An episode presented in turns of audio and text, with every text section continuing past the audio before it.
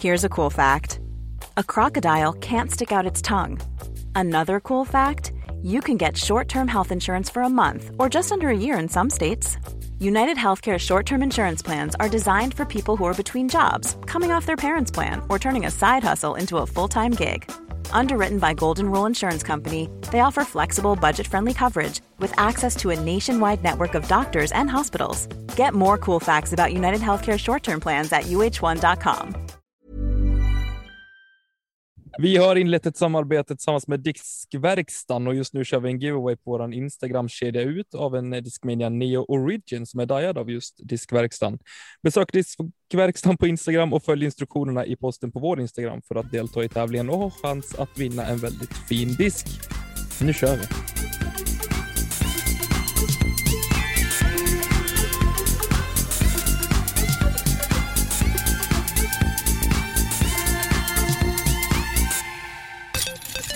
Hejsan allihopa och välkomna tillbaka till ett nytt avsnitt av Kedja ut, en podcast om discgolf.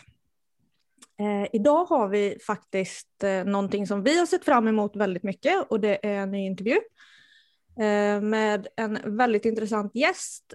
Och eh, vi kommer centrera för avsnittet kring frågor från lyssnarna. Och det är väldigt många spännande punkter så vi får se vad det här tar vägen. Alla bör känna till namnet på vår gäst och eh, vi ringer upp ordförande i Svenska Discgolfförbundet Mattias Nilsson. Hej Mattias! Hallå på er! Tjena! Roligt. Välkommen! Ja, Tack så verkligen. mycket, vad kul att få vara här. Ni har ju varit mitt sällskap på väldigt många bilresor i jobbets räkning. Mm. Vad roligt att höra att du Han lyssnar lever på våra... fortfarande och är vaken. Det är helt galet. Ja, precis. Ju- Just det att du brukar somna till oss, det kändes lite så otäckt nu när du Ja, säger men bilresor. vet, bilarna nu för tiden är jäkligt smarta. De håller sig liksom inom de här vita linjerna och sådana här saker. Så att det funkar. Ja, det är bra. Ordförande lönen som pratar. Ja, det är bra. Du Mattias, tänkte vi kör igång en lite faktaruta så våra lyssnare får lite kläm på, på vem du är och vad du gillar och lite sådana saker. Ja, Eh, vi kör igång med ditt fullständiga namn. Mattias Nilsson. Ålder, 40 fyllda i år. Det är riktigt jobbigt. Master. Ja, usch. Snyggt. eh, bosättning, Bor i lägenhet i Habo utanför Jönköping. familj, Jag har fru, två barn, hund och katt. bästa discgolfminne. Den har jag funderat på lite, för jag visste att den skulle komma och jag har nog landat i para-SM 2011. Jag och Jimmy Nilsson spelade den. Ingen av oss var väl kanske i världens toppform och vi hade väl liksom egentligen inga direkta mål, utan vi ville bara kasta bra och slog oss in på en tredje plats. Och den här tävlingen spelades i Skellefteå och vid den här tidpunkten var ju Skellefteå en rätt bra discgolfort. Så det fanns ganska många att slå som är väldigt duktiga där. Så att just det där att liksom inte riktigt... Ja, man, vi hade inte förväntat oss något, liksom någonting av tävlingen. Vi gick in och fick en tredjeplats där. Det var, det var lite speciellt. Även om vi har liksom andra SM-tecken som är finare så är nog den en av de som betyder mest ändå. Mm. Eh, om du bara fick ha en disk på en hel säsong, vilken skulle det vara? Kompass, skulle jag säga. Favoritspelare? Spelaren som hoppar rundan, sätter sig på en gräsklippare och klipper banan åt alla oss andra som spelar. Favoritbana? Jenny Westvik. Favorithål? Fan, den har inte jag tänkt på. Mm. Håll två, Håll två Jenny. eller håll fem och håll vaken kanske. Nej, men håll två Jenny. Den det gillar jag. Vad skulle discgolf kunna klara sig utan enligt dig? Pro åldersklasser. Vi ska absolut ha åldersklasser, men jag har svårt att se varför det ska vara en pro-division. Jag tycker att åldersklasserna ska vara begränsade med ålder och med rating. Så att det är liksom en klass som en amatörklass som man går ner när man känner sig färdig med karriären. Jag tycker inte de bästa spelarna i Sverige eller världen ska spela en masterclass. Eh, ditt drömlag, två damer och två herrar. Den här kanske blir lite udda, men Thomas Ekström, Svante Eriksson, Birgitta Lagerholm och Angelica Frans. Vet ni varför jag tog ut dem? Nej. De har en gemensam nämnare. Eh, då säger jag gemensam nämnare. Alla kastar kompass. Alla, Alla de har tagit VM-guld. Det glömmer vi bort ibland att vi har svenska spelare som faktiskt har tagit VM-guld. Mm. Thomas Ekström, Svante, har vunnit VM i dubbel. Birgitta har vunnit VM i dubbel tillsammans med Erika Frans och har tagit ett eget individuellt VM-guld. Och det, visst, det är några år sedan, men det skiljer inte så mycket mot idag. Amerikanerna var fortfarande dominerande då. Så att jag Mm. tänker lite att det är ett sånt här lag som skulle kunna inspirera dagens spelare lite, att det går faktiskt. Mm. jag tror att det är otroligt viktigt att du, att du lyfter just den punkten också så att eh, eftersom att sporten har vuxit så pass mycket och eh, vi har fått väldigt många nya spelare att det faktiskt eh, trycks på och lyfts eh, fina prestationer från eh, tidigare. Ja, och jag, jag, som sagt, alltså, discgolf är ju en ganska ny grej. Alltså, historieböckerna är ganska tunna. Mycket historia försvinner i början, för det finns inte så mycket liksom, dokumenterat. Och tack vare att liksom, tidningar och sånt skrev ju inte om de här VM-gulden på det sättet som det, om det skulle hända idag. Så därför är det en sån här, grej. det gäller att påminna oss själva om lite att Sverige har ju faktiskt varit en jäkligt bra liksom, nation i det. Och Mm. vi kommer komma tillbaka dit garanterat. Mm. Sista frågan då. Eh, om du för en kväll fick äta middag och splitta några buteljer med valfri person, levande eller död, vem skulle det vara? Elon Musk, Elon Musk. Ja, den var rolig. lätt. Eh, jag känner redan nu och vill bara säga det på en gång att det här kommer att bli ett så fantastiskt magiskt bra avsnitt. Eh, bara efter faktarutan känner jag det Mattias. Så otroligt roligt att vi äntligen fått till det här. Jag har ju pratat med dig ganska länge om att du ska vara med, men det har ju aldrig riktigt passat och vi har haft lite teknikstrul och annat. Eh, men det är som det är. Men du, nu kommer den här väldigt udda frågeställningen här, men eh, vad är grejen med chips? Chipskokbok, chipstuttar och vilka chips är egentligen godast? Oj. Um, när jag träffade min sambo så gjorde jag klart för henne ganska tidigt att hon kommer komma i tredje hand. Först kommer discgolfen komma och så nummer två kommer chips komma. Chips är liksom, det är en så stor del i mitt liv. Ja, alltså chips, jag vet inte om jag ska förklara det, men chips är så extremt mycket. Det, det, är, den, det är nog det perfekta livsmedlet. Och Har du jag väl diskuterat det här med, har du diskuterat det här med Emil Isaksson? Nej, ja, jag har ju försökt. Men han, han har ju lite en annan syn på hälsa. Men jag försöker ju liksom... Nu äter jag inte riktigt så mycket. Nu äter jag kanske två, tre chipspåsar i veckan bara. Men tidigare har jag ju liksom... Alltså en chipspåse om dagen har ju varit standard under ganska många år. Men alltså det är ju helt magiskt. galet. Ja, så att, och sen tänker jag att folk förstår ju inte storheten i chips. Man tänker att man äter det lite på fredagar eller lördagar. Så att jag startade ett projekt för alldeles för många år sedan att göra en chipskokbok där man har vanliga standardrecept fast man använder chips i det liksom, som kryddning, som tillbehör och sådana saker. Men sen är ju livet är ju som det är. Man har inte så många timmar på dygnet så jag har ju liksom inte riktigt hunnit slutföra den boken som jag borde ha gjort. Tyvärr. Jag kan instämma Mm. på att just som, eh, som topping och eh, tilltugg i, alltså, i faktiskt riktig mat så är det ju faktiskt underskattat att, ha olika typer av chips. Oavsett om det är gjort på potatis eller eh, typ rödbetor och rotfrukter i övrigt. Absolut. Men som en standard pizza med lite grillchips på. Det är skitgott. Det kan jag tänka mig. Ja, Ja, faktiskt. Jag, tr jag tror du har tre nya förvärv här.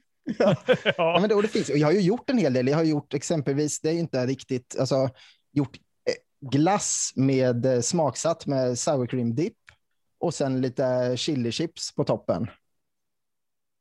Så det, det finns lite sådana recept ja, som någon gång, någon gång ska den här boken komma ut. Vi får se när, men den ska ut. Det måste den. Då ska jag våga sticka Men- ut med en liten udda grej här. Chips och choklad. Chokladdoppade chips är jäkligt gott. Eller hur? Absolut. Tack! Äntligen någon som förstår, för min sambo, jag åt nämligen det här igår. Eller jag åt liksom chips och choklad. Och min sambo bara tittar på mig och bara, du är knäpp. Ja, men jag har gjort lite chokladdoppade. Det blir lite som, vad heter de här tunna chokladgrejerna? Um, Smash har du ju som är några spröda. ja, men de är ju lite Kex typ. majsgrejer bygger de på. Ja, det är det i och för sig. Ja. Jag gillar ju, alltså chips ska ju vara potatis. Jag är ju lite anti de här nya linschipsen. Det är ju, jag har ju skrivit några arga mejl till Estrella om de här sakerna och fått lite arga. Vi hade en liten konversation, jag och Estrella, en, ja, en, på sociala medier, en liten beef. Fast på skojigt sätt såklart. Men som fick några hundra delningar till slut tror jag. Det är magiskt. Men gör du egna chips också? Alltså med Nej, det går och... inte. Jag har försökt jättemycket, men eh, nej, det funkar inte. Det blir inte funkar samma inte. sak. Nej. Men igen då, vilka chips är godast? Men allt handlar om tillfälle. Alltså, det- beroende på vad du äter till, vilken tid på dygnet. Är det frukost, middag, lunch? Så att det är olika chips. Men om jag bara fick välja en så är det Stella pepparchips. Ja, då Så jag håller jag med. inte. De, de är faktiskt, ja, där håller jag med. De är väldigt goda. Mm. Eh, faktiskt. Och de funkar i de flesta sammanhang också. Mm. Verkligen. Ja, men du, då har vi avhandlat det. Men jag undrar så här, om du säger att det går två, tre påsar i veckan. Vilken storlek på påse? Är det maxibag vi snackar eller? Ja, självklart. Annars tar de ju slut för fort. Finns inget annat. Nej, nej. Man ska aldrig underskatta kvantitet. nej, nej. Titta nu, ni skulle egentligen se vad som är bredvid min kamera. Det här är ju vid... Ni, ni som lyssnar ser ju inte det, men jag kan hålla upp det för de andra här. Jag har ju i fall fyra påsar liggande bredvid datorn här. Där, ja, det är lite i botten i en, sen är de andra ju slut. Och det är väl sen, jag tänkte säga att det är från i söndags, men det är det väl inte. Det är från i fredags kanske. Ja, Det är fördelarna bra. hemmakontor. Exakt ja det, är, det är ren magi. Eh, ja, men jag tänker att vi har rätt ut chipsfrågan och tänker att vi ska kasta oss in i de stora frågornas värld. Vi har fått in väldigt mycket frågor eh, och jag vet inte om det här är flest frågor. Eh, I alla fall känns det som att det är kanske frågor med mest tyngd i, ska jag säga.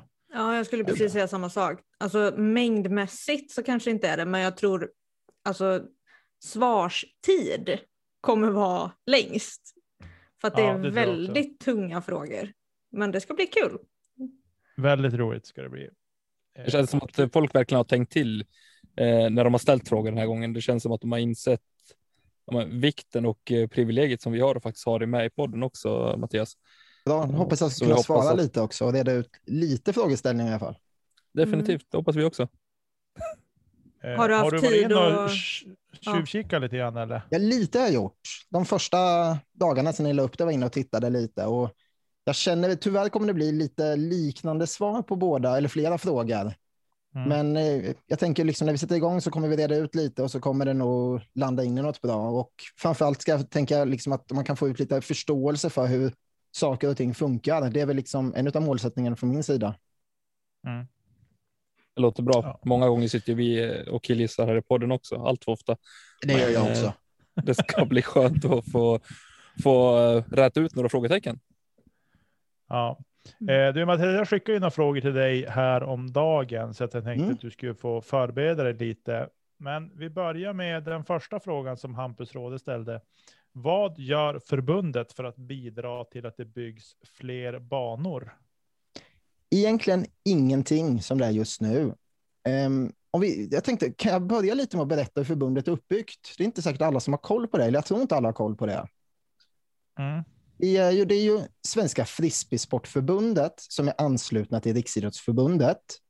Och det är ju själva Svenska Frisbeesportförbundet som får alla pengar. Och de har ju en ett kansli som vi får använda oss av. Och sen är vi tre grenförbund. Det är discgolf, allround och ultimate.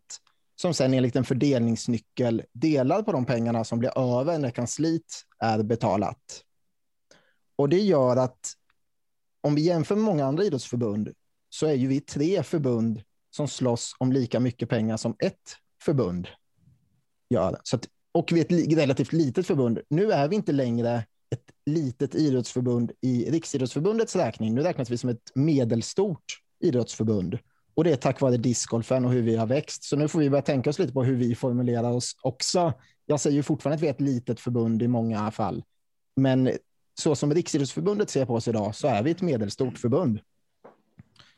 Och vi är begränsade med personer som jobbar inom förbundet, eller jobbar, vi, allt, vi gör ju allt ideellt. Vi, ingen får en krona för det man gör med förbundet, utan alla jobbar gratis. Räknar jag på det så går jag nog till och med back varje år för att man glömmer att skicka in något kvitto eller sådär. Mm. Och det gör att vi, vi blir ju begränsade i tid och pengar. Och en sån grej som banor skulle ta extremt mycket tid att jobba med. Och det finns företag som gör det. Jag pratade med Tommy Bessner på Disc Golf Park för, förra veckan, tror jag det var. Och de har ju också fått lägga om. Tidigare har de alltid liksom jobbat aktivt mot kommuner att vill ni inte bygga en bana?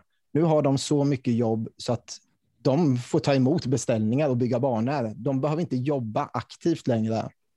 Och därför känner jag också lite att förbundet kan inte göra så mycket där. Vi kan inte bidra med så mycket. Alltså det är de, för, liksom de företagen som bygger banor som får sköta den delen.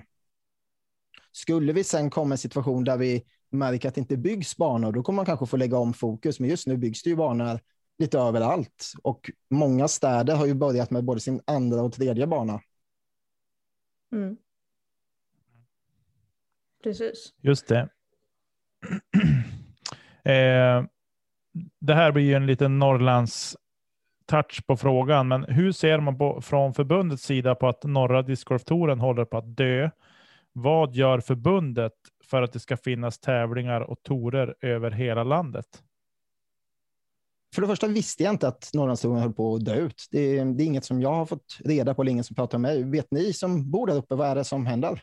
Den är väl på att ersättas som det ser ut i dagsläget. Eh, kommer byta namn och eh, vara en liten annan touch på det. Eh, by, ja, byter väl främst folk som sitter bakom spakarna. Ja, det väl, för det är ju så att alla regionala och liksom regionala torer, de drivs ju av, i de flesta fall är det klubbarna. Det finns några torer som drivs av privatpersoner också, men i många fall är det klubbarna som driver dem. Förbundet är ju inte inblandade i någon av de här regionala torerna. Och anledningen till det är ju främst att det har sett så olika ut över liksom hela landet. Vissa regioner har bara fokuserat på nybörjare och vissa har fokuserat på lite mer avancerade spelare också. Nu börjar det väl jämna ut sig lite tror jag med de regionala torerna, men fortfarande är det så att jag tror att de drivs bäst lokalt. Jag tror inte att förbundet ska in och kladda för mycket i de regionala torerna, utan klubbarna som vet förutsättningarna för den regionen de verkar i gör det bäst i att driva det. Och om förbundet går in där, då tror jag också att man ganska snabbt börjar tappa suget. Alltså, det skulle vara kul att arrangera också. Och om folk som inte är på plats går in och börjar bestämma så tror jag många kommer liksom, ja, känna att ja, men då, är, då vill inte jag arrangera, det här är inte kul. Mm. Nej, precis. Jag tror det är väldigt bra sätt att se på det också. I och med att det är ju de lokala spelarna som känner varandra bäst. Liksom. Och ska man gå in och börja peta i alla regionala torer som förbund, då känns det som att det kan skapa friktion istället och så på ett negativt sätt känns det som. Ja, det tror jag. För att eh, om vi skulle göra det skulle vi behöva göra en standard som ska gälla över hela landet och mm. det tror inte jag, jag tror inte det är bra för att det utvecklas olika. Ena sekunden är det elit i Skåne, men om några år kan det vara tvärtom. Liksom. Och då måste de här torerna vara ganska flytande och vara ganska snabba till beslut och kunna ändra inriktning och vilka klasser man ska erbjuda och sådana saker. Mm. Precis. Eh, Sverige har ingen spelare på proffstouren. Vad gör förbundet för att få det och är det förbundets uppgift? Det är en intressant fråga tycker jag. Eh, mm. Just vad, vad förbundet har för ansvar. Ja, vi gör egentligen ingenting nu, men att vi försöker ge förutsättningar på det sättet vi kan. Det här är en sån fråga som går direkt in på ekonomi. ska vi ha en spelare på proffstouren så måste den spelaren få betalt. Den måste kunna liksom ta ledigt, ledigt från jobb, skola eller vad det nu är och kunna satsa helhjärtat, åka över. Det hjälper inte att åka över bara en enstaka tävling. Det är en kul grej, en kul semester, men ska det bli något bra av det, då ska du vara där en hel säsong. Och det är väldigt få spelare, förutom amerikaner som fixar det. Det är Simon som är där över. Annars tror jag inte det är någon som är över och kör en hel tour ett helt år. Eh, vi har tidigare i Sverige haft lite spelare som har gjort det. Marcus Källström var ju där i två eller tre år tror jag. Mm. mm. Eh, för några år sedan var Henrik Johansen och Emil Dahlgren där, men de har ju gjort det för egna medel. Och Det är också något som jag tror många missar när man kommer kanske från en annan idrott. Att vi är ju inte med, exempelvis, discgolf är ju ingen olympisk, eh, olympisk sport, så vi får ju liksom inte några pengar från Sveriges olympiska kommitté eller sådana saker. Vi får ju ett, liksom, ett stöd från Riksidrottsförbundet för att driva vår verksamhet, men där finns inga elitpengar att hämta. Alla elitpengar som kommer från Riksidrottsförbundet är på gamla meriter. Alltså har vi vunnit ett VM-guld, då får vi pengar. Men vi får inga pengar för att kunna vinna ett VM-guld. Och det är ju något som vi skulle vilja se en ändring på. Vi som relativt ny sport har ju alla förutsättningar faktiskt i framtiden kunna ta VM-medaljer. Men mm. idag så får vi inget stöd för att göra en satsning på spelare. Så att om vi som förbund ska blanda oss i det här, då måste vi alltså, tycker jag i alla fall, att då ska vi betala en spelare för att göra det. Och i första hand så tycker, tycker jag att om vi ska kunna betala någon för att göra någonting, då ska vi ha ett eget kansli. Sen kan vi börja tänka på elitspelarna. Mm.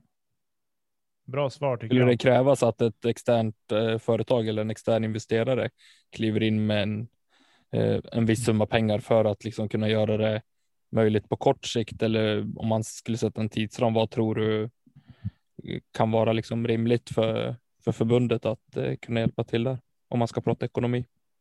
Jätte, jättesvårt. Alltså, det jag tror vi skulle kunna bidra med det är att finnas som liksom att vi går i god för en spelare. Spelaren hittar sin egen sponsor som satsar på det här och spelaren får göra det i svensk discgolfs namn. Jag tror det är där vi idag kan göra mest. Att exempel, vi har ju våra så här årets utmärkelser som vi ger ut. De är ju mycket för att spelare och de som får de här utmärkelserna ska kunna använda dem när de går till sina sponsorer sen. Att kolla vad jag har fått för att ge, liksom, ge något litet stöd i det lilla, alltså något som inte kostar någonting men ändå kan göra ganska mycket för en spelare. Mm. Och det är väl där vi som förbund kan hjälpa till tror jag. Sen är det ju, det, det är ju väldigt få förbund som sponsrar, oavsett vilka idrott vi tittar på.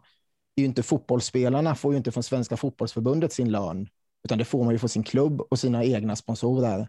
Och det är ju så jag tycker discgolfen ska funka också, för det ska växa och funka i över flera år, inte bara tillfället en en säsong, liksom, utan en spelare som åker över ska ju gärna kunna fortsätta två, tre och fyra år. Mm. Precis. eh, varför har förbundet inte sett till att det finns någon svensk översättning av PDGA-reglerna? Vi har haft svensk översättning för ganska många år sedan. Problemet är att den är på engelska från början. För att översätta så måste man vara ganska duktig på engelska. Den är redan nu reglerna väldigt svårtolkade. Vi vet ju lite hur den här 30 sekunders regeln nu, en tävling som var i helgen, hur det har diskuterats, hur man ska tolka den. Och om man då tänker på att man ska översätta något, först ska man tolka något som är svårt att tolka på originalspråket. Sen ska du tolka det för att få ner det till svenska. Du måste då behärska språket, du måste behärska sporten och du får absolut inte tolka fel. För sen i slutändan ska du kunna spela efter de här reglerna ja, med, liksom med samma förutsättningar som de som läser reglerna på engelska. Mm. Och sen ska det också underhållas och det är där det fallerar framför allt. Jag tittade lite på vilka länder som har översatt till översatt sina. Jag vet inte vad jag kom fram till om det var. Vi att det var tio länder, någonting sånt. Och det är två länder som har uppdaterade PDGA-regler. Mm. Så tar vi mm. Finland som är en ganska stor nation. De har sina regler, jag tror det var från 2018 senast som de uppdaterade sina översättningar på PDGA. Och det visar lite, tycker jag, hur svårt det är att hålla de här reglerna uppdaterade. Och håller vi dem inte uppdaterade, då finns det ingen anledning att vi gör det från början, för vi kan inte ha regler som inte är uppdaterade, utan det här ska göras varje år. Gå igenom reglerna, se till. Så frågan har varit uppe lite på tidigare sådär och jag är inte främmande för att liksom förbundet går in och stöttar lite ekonomiskt kanske får göra det, men det behöver vara en grupp som känner sig tillräckligt duktiga på engelska och sporten för att kunna göra översättningen. Och de måste vara mer än en person, för det måste funka om någon... Det klassiska, om livet kommer emellan så ska de ändå kunna göra översättningar den här gruppen. Och de Mm. måste kunna göra det under flera års tid. Mm. Så Jag tycker i det också, framtiden, precis. Nej, fortsätt, fortsätt. ja, i framtiden tror jag absolut vi kommer ha det översatt, men PDGA måste få tid på sig att göra sina regler mindre svårtolkade också. De gör ju uppdateringar varje år nu som gör reglerna tydligare och tydligare och tydligare och till slut kommer de vara så tydliga så att översättningsdelen inte är så svår utan vi kan nästan översätta ord för ord. Vi behöver inte tolka så mycket när vi gör översättningen. Mm. Vad är er syn på det? Vad, Jag tycker lite grann som du är inne på det, som när du tar Finland som exempel. Eh, ett land som kanske inte är, ligger i framkant vad gäller engelska språket generellt, eh, är min erfarenhet av det.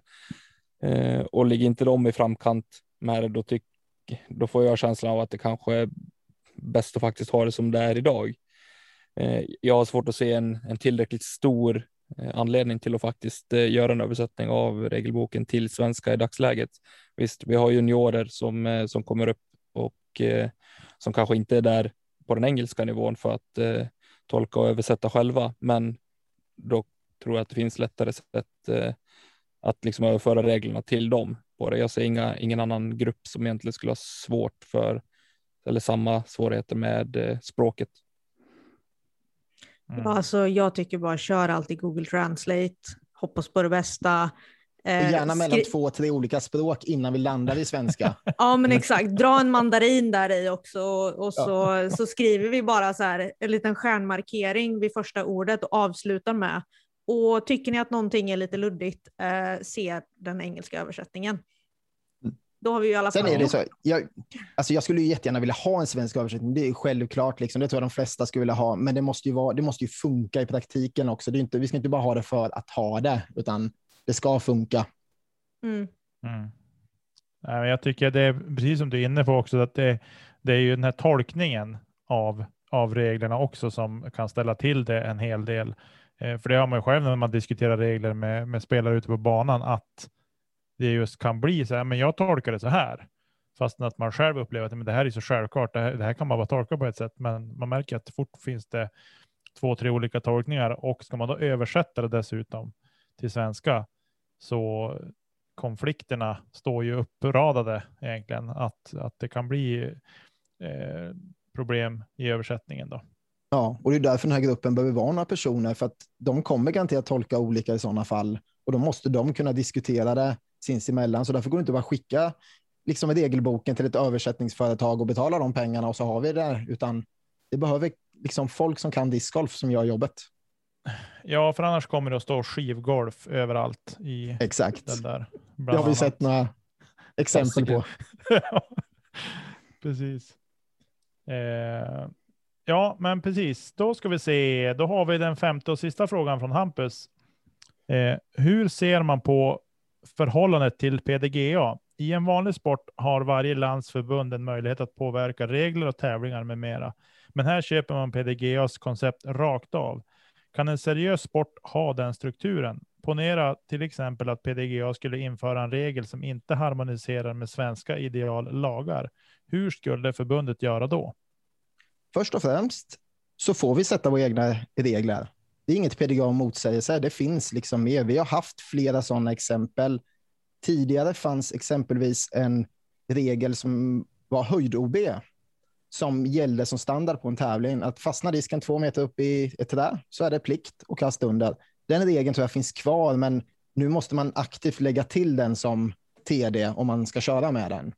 Det är väl bara Medans- Kalifornien som har den som standard i dagsläget tror jag.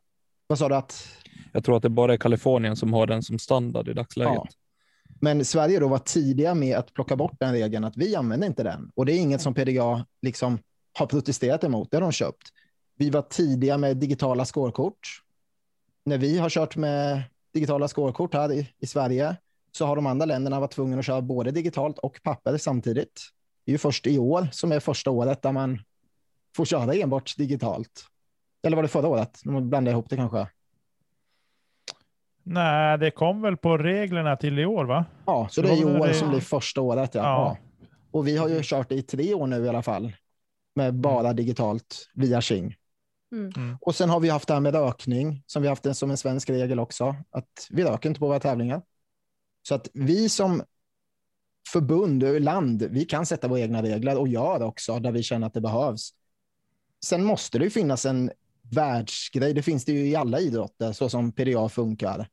Det jag ser som ett problem är lite att PDA är från början ett spelarförbund. Det är inte ett nationellt förbund för discgolf, utan det är ett förbund gjort för spelarnas, i spelarnas bästa. Samtidigt som de har valt att bli det amerikanska discgolfförbundet.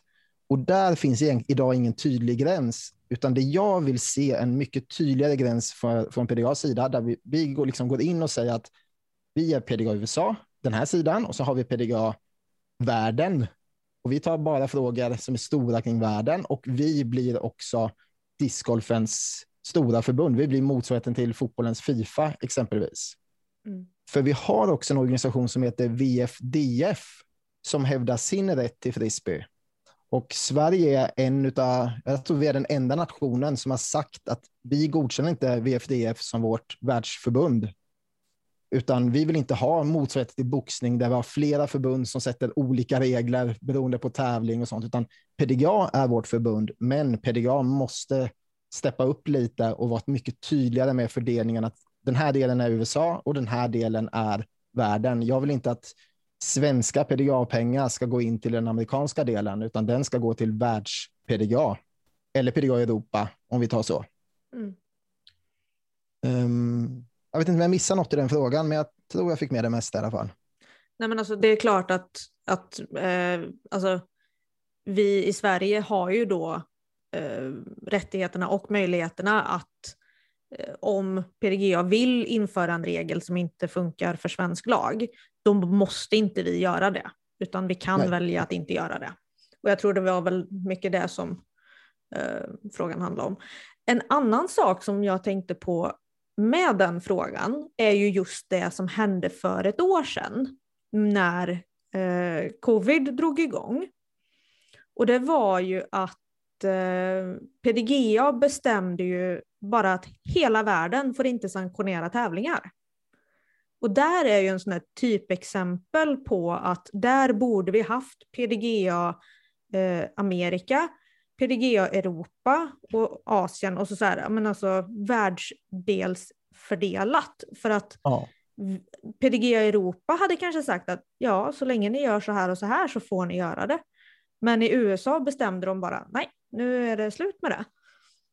Ja, men det är ett jättebra exempel på där, det då, där de inte själva kanske kan hålla isär sin egen roll lite. Mm. Att man blandar ihop de olika. Det är inget konstigt om PDGA USA eller Nordamerika, vad man nu skulle kunna kalla det, om de går ner och stänger ner där, det, jag tror det var rätt beslut så som läget var där då.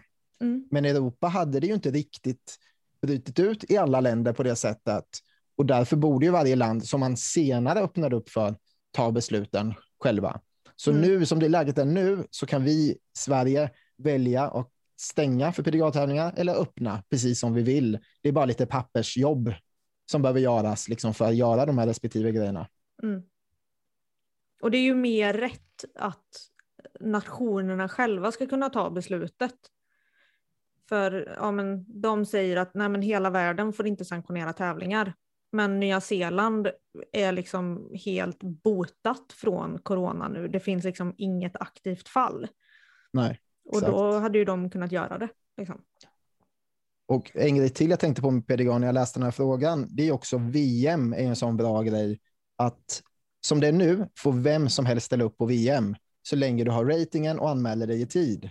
Jag tycker ju att Sverige ska bestämma över sina platser. Vi ska ha platser på ett PDA-VM och det bestämmer vår förbundskapten vilka som ska få åka dit. Sen om man tar ut laget på rating eller att det är en person som tar ut rating, det får varje nation bestämma. Så där är också en sån här grej där PDA tycker jag ska börja titta lite kanske på andra idrotter hur det funkar. Att man får liksom sidade platser lite så som EM. Ja, exakt. EM funkar så som det ska funka tycker jag. Sen, eller ja, Nu har de ju ändrat lite, så nu är det lite krångligt system där också. Men i grunden handlar det om att det finns nationsplatser och man får olika mycket platser beroende på hur framgångsrik nationen är. Så det är ju inget konstigt om USA har 100 platser på VM och Sverige bara två. Det skulle jag köpa. Men jag tycker att det ska vara liksom ett svenskt landslag som tar de här två platserna. Det ska inte vara liksom två personer som bara bestämmer sig för att ah, jag vill åka dit på lite semester och anmäla mig till VM. För de mm. spelar ju för de svenska färgerna där och då måste förbundet eller landslagsledningen vara inblandade i den uttagningen tycker jag. Ja, men speciellt ifall man representerar landet liksom. Det, mm. det är klart. Mm. Uh, men uh, vill ni tillägga något på den frågan grabbar? Nej, jag, eh, jag håller väl med Mattias fullt ut faktiskt, just det här med, med vilka som åker på VM och så. Eh, sen hur, hur man ska hantera den frågan, liksom om det krävs att ja, men du ska vara med i lands, du ska vara uttagen till landslaget eller om man är tillräckligt duktig, men man kanske inte är uttagen i landslaget. Eh, så det är ju kanske en, en annan fråga. Nu är det ju väldigt speciellt just i och med covid och så. Det har ju ställt till med en massa elände. Så det är klart att just nu är det ju väldigt speciellt, men om det hade varit i, i normala fall så tycker jag definitivt att, att eh, länder ska få platser tilldelade så att säga. Mm. Det, det tycker jag, det borde egentligen vara en ren självklarhet.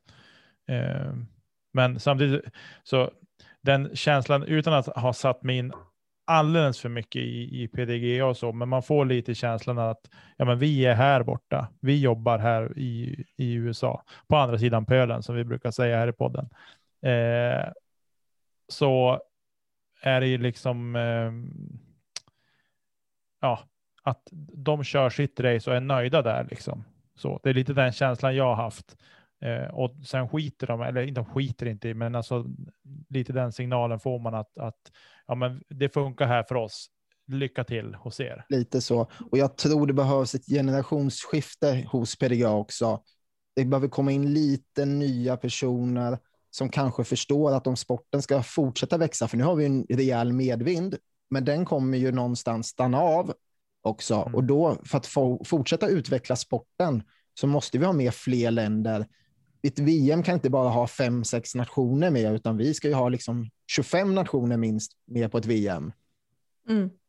För att det ska funka. Och sen ska ju då, de här 25 nationerna, det kan ju inte heller vara så att det blir utklassning, utan det ska ju vara gärna varje nation ha en hyggligt bra spelare och det är lite PDGAs ansvar att tillåta länder att utvecklas och så. Och det, det funkar ju när liksom majors kommer till Europa, då kan man se de bästa spelarna, man kan få möta dem och sådana grejer. Men det behöver bli mer så. Vi behöver VM i andra länder än USA tror jag, för att fortsätta utveckla sporten. Mm.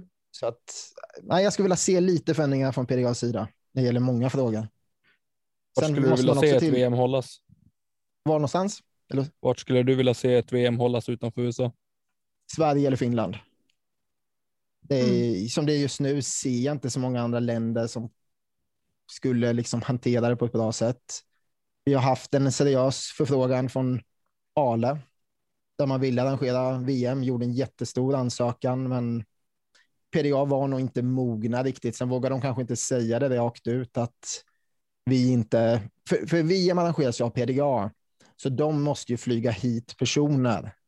Och det är ju mm. det är såklart en ganska stor kostnad att säga, jag vet inte hur många man behöver flyga hit, men sen man behöver flyga hit 20 personer och sen resten går att fylla upp med lokala klubbar som hjälper till och sådär.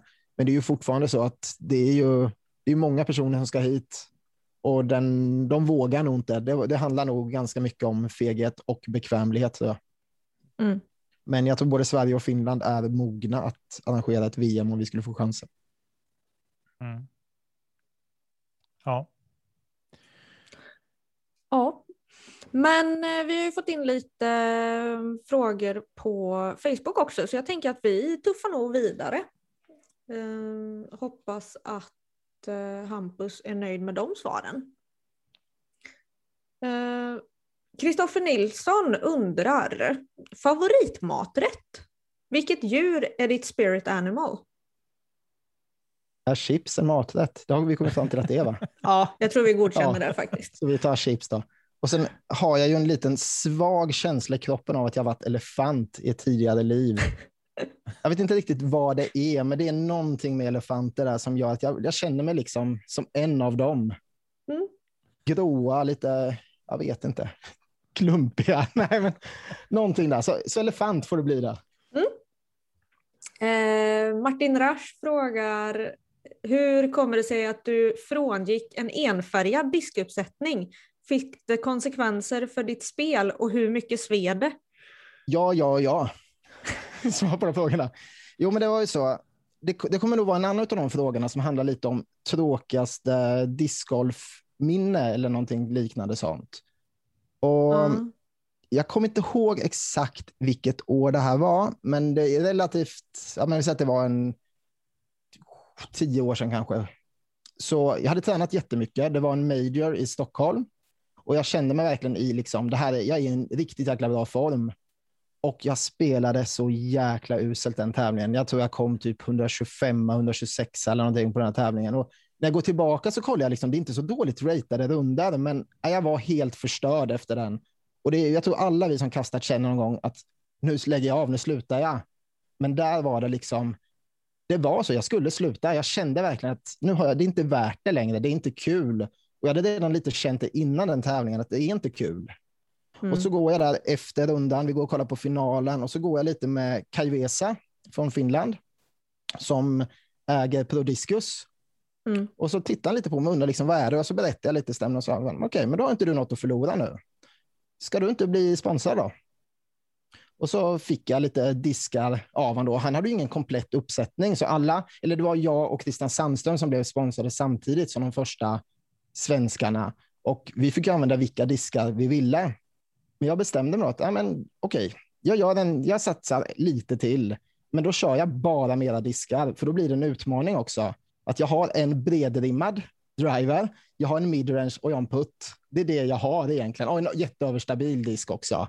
Mm. Det var, fanns liksom ingenting. Så att jag fick säga att ja, du får skicka 100 diskar och så får vi hoppas att någon i produktionen har gjort så att den svänger vänster, någon svänger höger. Så att jag får en komplett bag av det här. Och så började jag träna och sen veckan efter jag hade börjat så åkte vi upp till Skellefteå på SM och kom nia där och spelade rätt bra med den bagen som var helt ny. Och det gjorde att jag fick liksom en liten nytändning. Men då till Martin Rasch fråga. Innan hade jag bara kastat med vita diskar. Och Prodiscus kunde inte leverera bara vita diskar just på grund av att jag behövde diskar som svängde lite vänster, lite höger. Så jag fick ju ta de färgerna som det fanns. Så helt plötsligt hade jag ett jäkla tivoli i bagen och det förstörde allt. Det var psykiskt jobbigt att spela, att titta på den där bagen. Det var gröna diskar, det var orangea, det var röda. Det såg liksom inte professionellt ut längre. Vi, vi sysslar ju med riktig sport. Vi kan ju inte ha färgglada bägar. Så, men, det, men det är löst nu i alla fall. Nu, nu är jag inte sponsrad längre. Jag har kunnat köpa mina egna diskar. Bagen är vit, diskarna är vita. Och ja, vill ni så kan ni lägga ut en bild på er Instagram hur en bag ska se ut. Jag kan skicka en till er, Det gör vi gärna. Ja, för det ska vara vitt. härligt. Vad har ni för färger i era bagar? Om vi ska Rosa. fortsätta Tivoli. Tivoli. Lägg av. Rosa är okej. Då har man Ja. tänkt till. Man kör en färg. Just det. Jag har faktiskt nej, aldrig förstått det också. där. Vad- Vadå? Vad menar du? Ja, men, vi pratade om, om en kille i helgen som hade problem med att hålla tiden. Det, jag får samma vibbar här med att man måste ha bara vita, vita diskar eller bara gröna eller någonting. Nej, jag, det blir som ett, ett onödigt extra fokus att lägga energi på. Eller så är det precis tvärtom. Du du går in och ska titta på nya diskar, fast du egentligen inte behöver nya diskar. Och så finns det inga vita diskar. Du går därifrån och har inte köpt några nya diskar. Exakt. Fast, fast å, å Det andra är kul sidan med så... prylar. Å andra sidan så går jag kanske dit för att köpa en specifik disk och finns den inte så går jag därifrån. Det är lite För att samma. den inte fanns i vit. Ja, i ditt fall så ja, absolut. ja, Ja. Vi eh, tuffar vidare tror jag, för den här diskussionen kan vi hålla på med i evigheter. Ja, Eh, verkligen. Henrik Montin frågar Sveriges sexigaste spelare i dina ögon. Ja, det var en Eller svår Sveriges fråga. la jag vet, nog jag, vet, till. ju- jag såg ju bilden han la in till under där, så jag tror att han vill att jag ska svara Henrik Montén. Men det var ju så att när jag vaknade i morse kollade jag mig själv i spegeln och där hade jag svaret kände jag. Det är så Ja, det är bra. rätt att svara det. Ja. Jag blir så glad. Ja. Jantelagen drar åt helvete. Exakt. Jag har faktiskt en tavla som jag fick av min pappa. Som mig? står... Nej, inte på dig. Tyvärr, men, men eh, med anti-jantelagen på faktiskt. Mm. Som jag haft på väggen och så. Den är faktiskt väldigt bra. Den tror jag behövs utav ganska många av våra svenska toppspelare. Att man faktiskt vågar tycka att man själv är jäkligt duktig och bra och att man kan det här. Vi svenskar är ju lite sådär, vi, vi har ju pratat lite helgen om det amerikanska sättet att tänka. Att exempelvis på banan är det ju aldrig ens eget fel om man gör ett dåligt kast, utan det är ju omständigheterna som har gjort det. Om man har hållit i disken lite för länge så var det på grund av att en tant gick med en hund två kvarter bort. Det finns alltid något annat att skylla på än att man själv gjorde någonting dåligt. Och rundan blir ju jäkligt mycket enklare om man hela tiden kan skylla ifrån sig varenda dålig grej på någon annan och det är aldrig ens eget fel. För då går man ju in i nästa kast med lika bra självförtroende som man hade innan. Trots att man har slängt tio diskar i sjön. Ja. Så jag tror många svenska spelare som liksom vill någonting måste tillåta sig att tycka att jag är för jäkla bra. Och har jag lite oflyt då så är det inte mitt fel. Det är någon annans. Det är som, eh, som tacktalet i helgen. I am worth this. Det är Ja, liksom, jag är värd det här. så. Jag ska ha det här. Tack så mycket. Det, Mer sant. generellt så är det ju för lite av den varan i svensk discgolf, helt ärligt. Eh, Mm. jag någonstans måste man kunna känna att man är värd en vinst eller är värd en eh, utgång av en specifik prestation. Eh, och det tycker jag inte man ska behöva hymla med när man har åstadkommit något sånt heller. Nej, utan man ska och vara tydlig att jag har tränat. Och träning är en sån grej som har varit ganska ful inom svensk discgolf länge. Men nu börjar folk liksom våga säga, jag har verkligen tränat för den här grejen. Jag har jobbat för att få den här extra turen eller för att få den här, liksom, det resultatet. Och skäms inte för det, utan var tydlig med det. Jag både förtjänar det och jag har tränat för att komma hit. Mm. Och vara stolt över det. Mm. Yes, vi hoppar vidare. Mattias Magnusson frågar om ditt stoltaste ögonblick i discgolfkarriären och sen eh, det jobbigaste och mest ledsamma som eh, vi kanske har berört redan då. Ja, det är det lite. Jag har ju haft problemet som spelare att jag aldrig, då, vi pratade precis om det här, jag har aldrig varit nöjd med mina prestationer. Jag har nästan aldrig, jag har ändå liksom, om jag, när jag tittar och summerar min karriär, jag har ändå två individuella SM-brons, jag har lag-SM-guld, silver, brons, jag har par-SM-silver, brons, jag har två fjärdeplatser på EM. Någonstans har jag varit ändå helt okej som spelare, men ändå har jag jättesvårt att lyfta fram tillfällen där jag har varit nöjd. Och det är väl något liksom som jag nu så här med facit här hand kan ångra jättemycket, att jag liksom inte ibland åkte hem från en tävling. Jag har ju liksom, jag tittar lite på mina så här topprundor rating. Jag har gjort, spelat 1000, var det 1057 tror jag som bästa runda. Det är ju liksom ett hållbart resultat, ganska högt upp i nivå. Men även en sån tävling åkte jag ifrån och var missnöjd med. Men sen finns det då liksom såklart tillfällen när jag ändå varit nöjd. Första gången jag kom fyra på EM var 2005.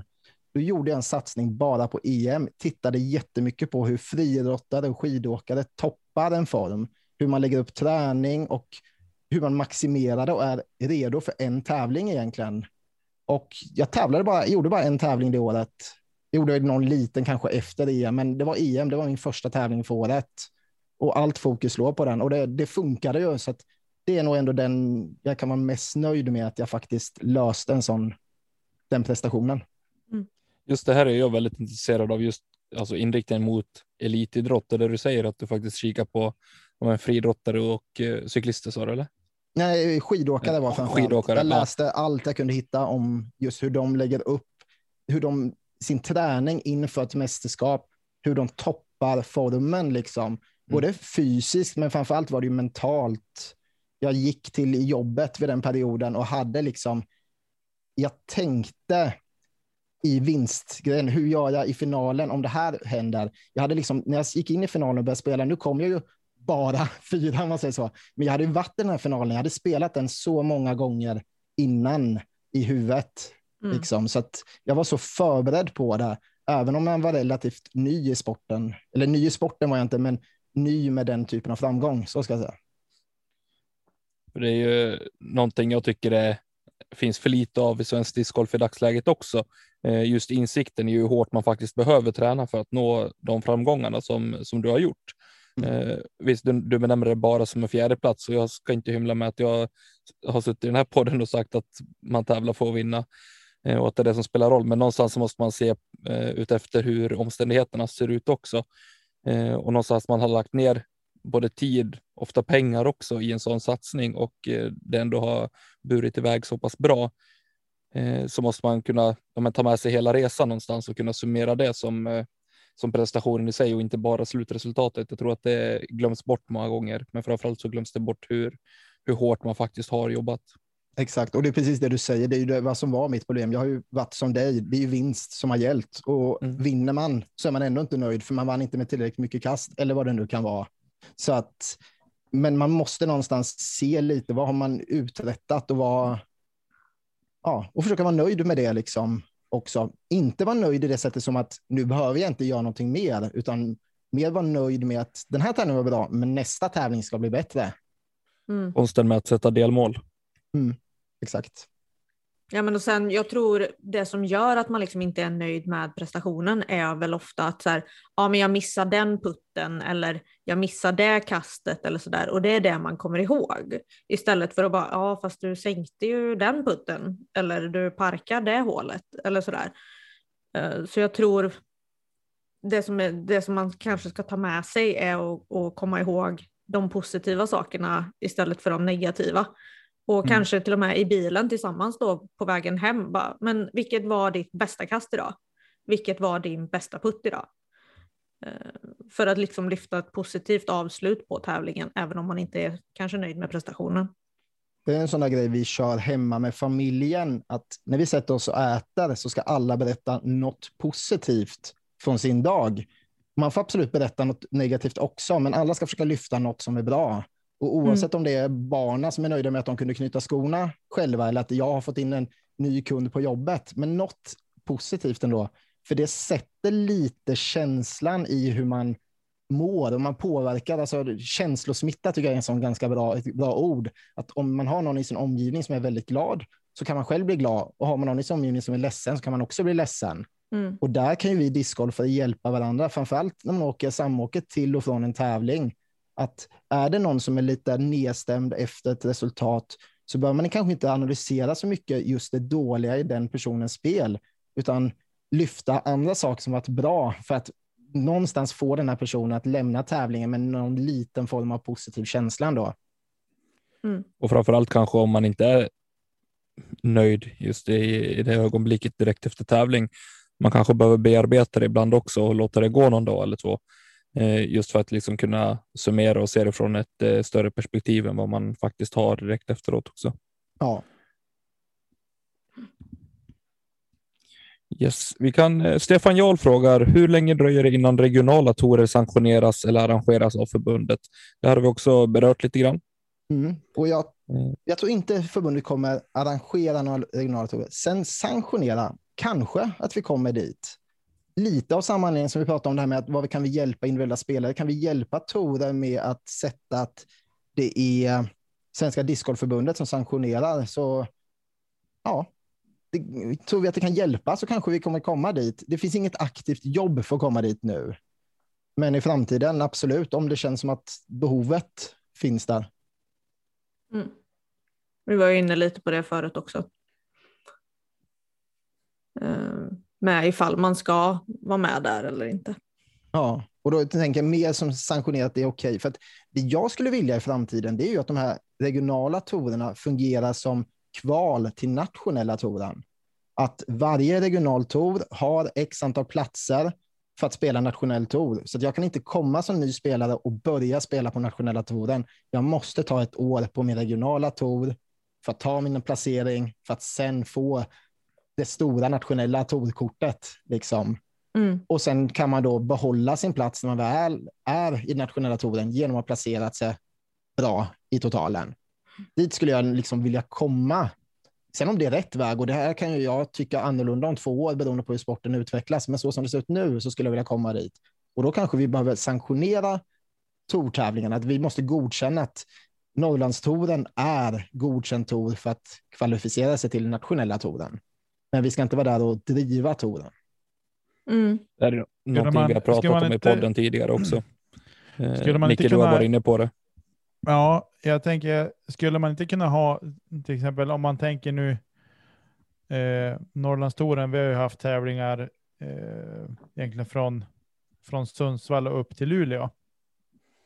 Eh, och så, och då kanske, jag skulle vilja säga att vi kanske har banor på tre, fyra ställen som ändå eh, håller hög kvalitet så att säga. Eh, och då tänker jag Luleå, Skellefteå, Umeå, eh, och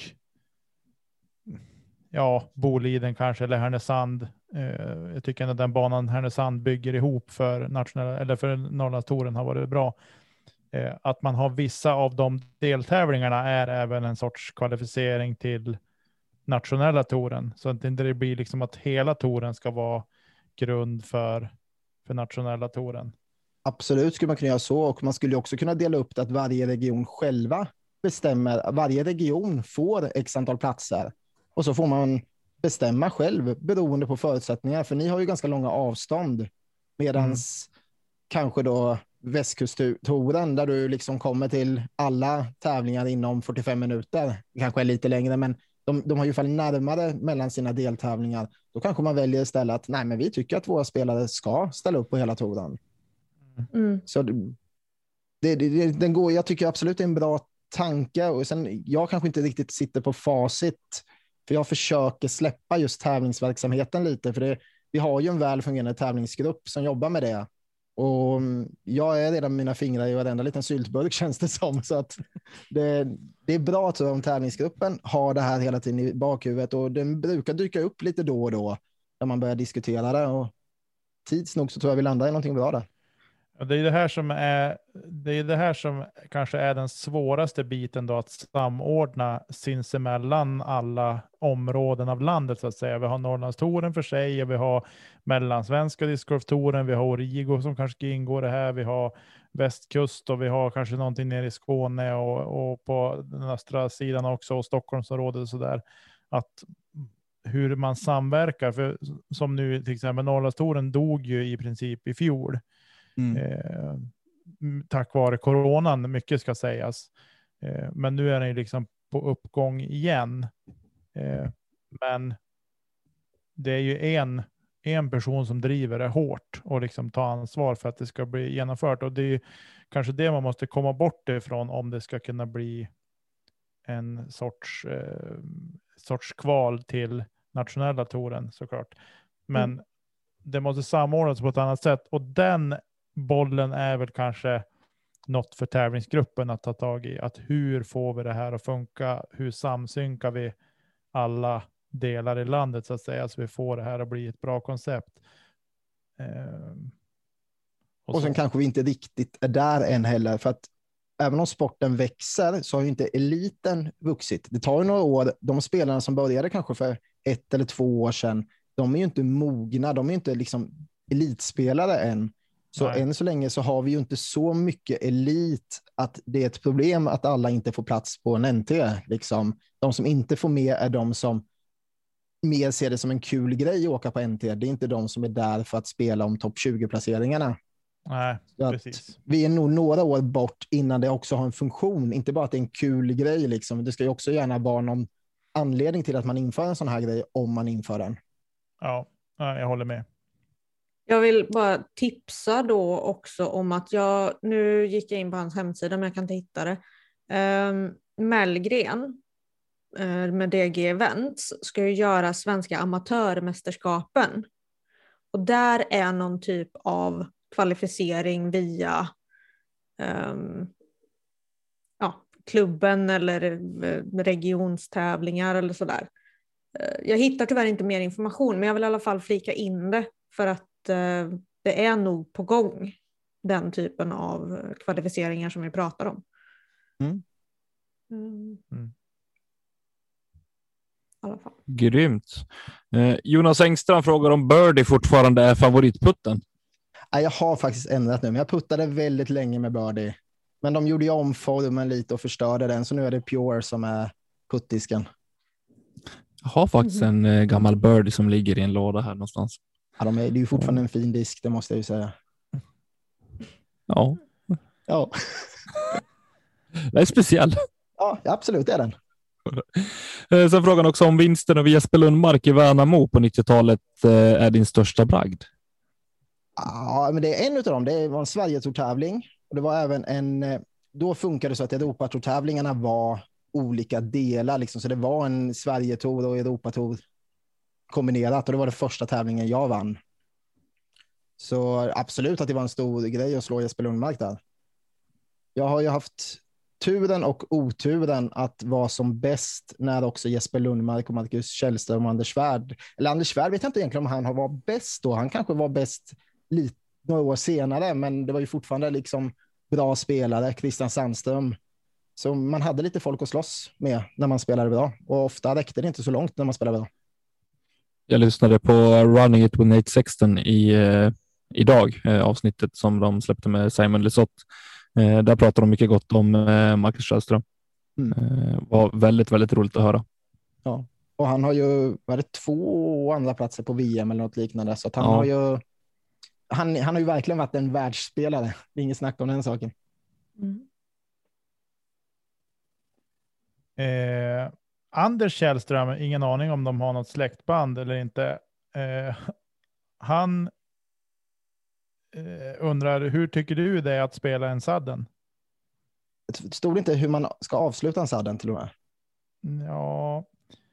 Eh, Fråga hur han tycker man ska spela en sadden. Ja, spela en sadden. Ja. Eh, jag, jag, han ja. syftar nog på en speciell grej. I den andra gången jag kom fyra på EM så var jag, finalen spelades med fyra personer och jag var inte tillräckligt bra för att ta mig in i den finalen direkt, utan jag var tvungen att spela sadden mot en finsk spelare. Och jag tyckte att det gick lite segt på andra hålet, så jag valde att acea saddenhålet. Så så tycker jag man ska spela en sadden. Klockrent. Ja, och då var det ju lite så, den här tiden var ju, sydeuropeerna var ju, ja, de är ju fortfarande glada i alkohol, men de var glada i alkohol på ett speciellt sätt, även under tävling då. Så det var ju ganska många som stod och tittade på den här och när jag gjorde mitt ace så kom ju alla de där springande. Jag kastade ut först, så att den finska spelaren skulle ju fortfarande kasta, men de stormade ju liksom fairway där och skulle ge mig high five och grejer. Och jag försökte liksom att han måste fall få en sportslig chans att kasta. Han måste ju ändå få göra ett försök.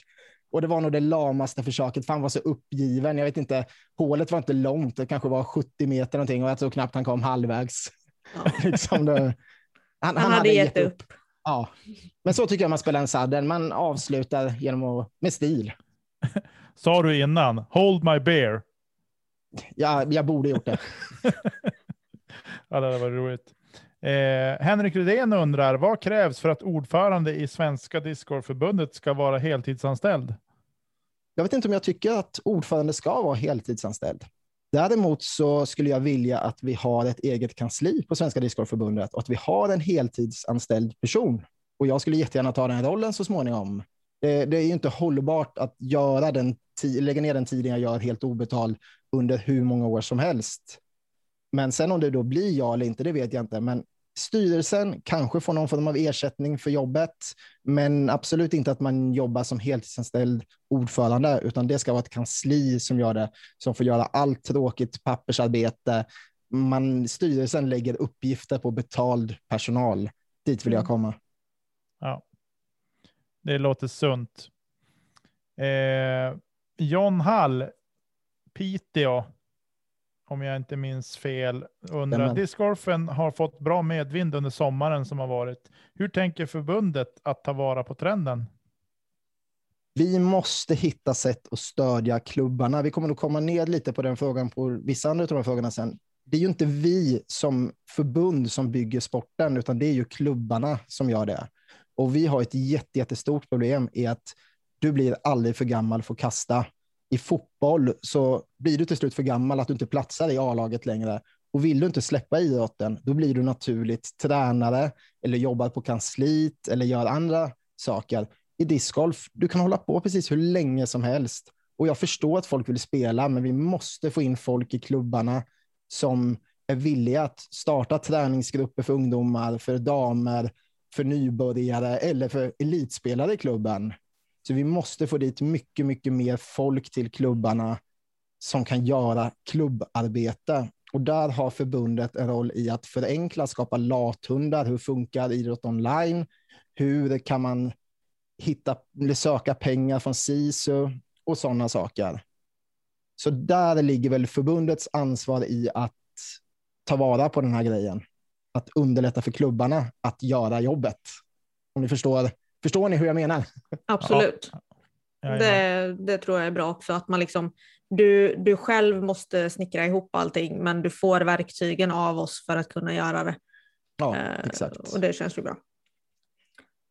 Eh, Mikael Böj skriver, varför ska folk gå med i en discgolfförening? Vi har ju fördelen att vi har en väldigt, liksom, vi har, det är ett lågt steg att börja kasta discgolf. De flesta banor är gratis. Du behöver inte vara ansluten till en klubb. Du kan köpa en disk. I nu finns de i de flesta sportbutiker, vilket gör att naturligt är det inte att gå med i en klubb, så som det är om du ska syssla med en lagsport där du måste vara med i en klubb. Och det ger också bieffekten. Jag kollade lite innan. Vi har ungefär strax under 6 000 spelare anslutna till klubbar i Sverige. Men vi räknar med att det är 150 000 som regelbundet spelar discgolf. Mm. Det är en mm. ganska stor andel som försvinner där. Och ska då den lokala klubben gå till sin kommun och säga att vi har vuxit ur vår nioårsbana, vi behöver en 18 så är det svårt att göra det med fem medlemmar. Men skulle de ha 3 000 medlemmar, då har kommunen inget val. De måste lyssna.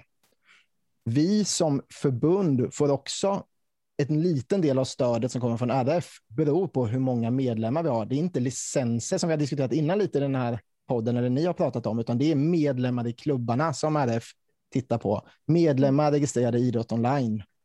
Mm. Och där måste det liksom, får vi upp den siffran, då får vi också mer pengar, både klubbar och förbund. Och sen har vi också det snacket med sponsorer. Hur ska man liksom få in mer pengar i sporten? Om jag går och pratar med en sponsor nu och säger att ja, men vill ni sponsra oss? Vi har 6 000 medlemmar. Och så tittar de. Ja, men du, den här hockeyföreningen, den här lilla orten, de har 6 000 stödmedlemmar. Varför ska vi ta, sponsra er som nationellt förbund? Mm. Och det är ju, mm. vi måste få in, alltså det, de här siffrorna är det vi kan visa upp. Så att jag om vi tar det här med regionala torer, om jag någonstans vill blanda mig i de regionala torernas jobb, så skulle jag vilja ha det som krav att de klubbarna, eller regionala torerna har krav att man är med i en klubb för att få spela den regionala toren. För det kommer hjälpa svensk discgolf jättemycket. Det tycker jag är någonting som faktiskt Alltså det borde på något sätt vara självklart. Alltså har du hållit på med en lagidrott som typ fotboll, ja men då ska du vara med i den klubben. Mm. Uh, och jag menar som spelare i discgolf så är du ju fortfarande, du, in, du representerar ju dig själv. Men säger man att nej men jag kommer från Karlstad, liksom, ja men då är det väl logiskt att man spelar för Karlstad. Eller mm. en annan klubb då ifall man hellre vill det.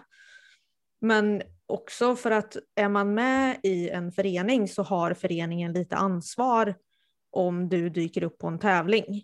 Eh, man ska veta hur man ska förhålla sig och att det finns regler att följa och att man liksom inte bara, nej men jag hittar den här väskan med diskar och tänkte att ja, men jag ska börja tävla.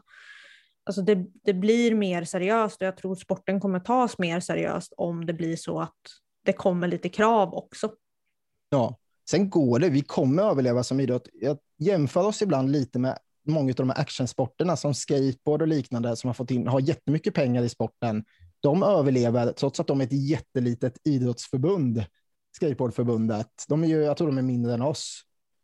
Men det är ju fortfarande en jättestor idrott. Så det går att ha det så som vi har det nu, men det kräver mycket mer jobb och det kräver också att alla discgolfföretag liksom börjar göra stora pengar så att det kommer in pengar i sporten den vägen.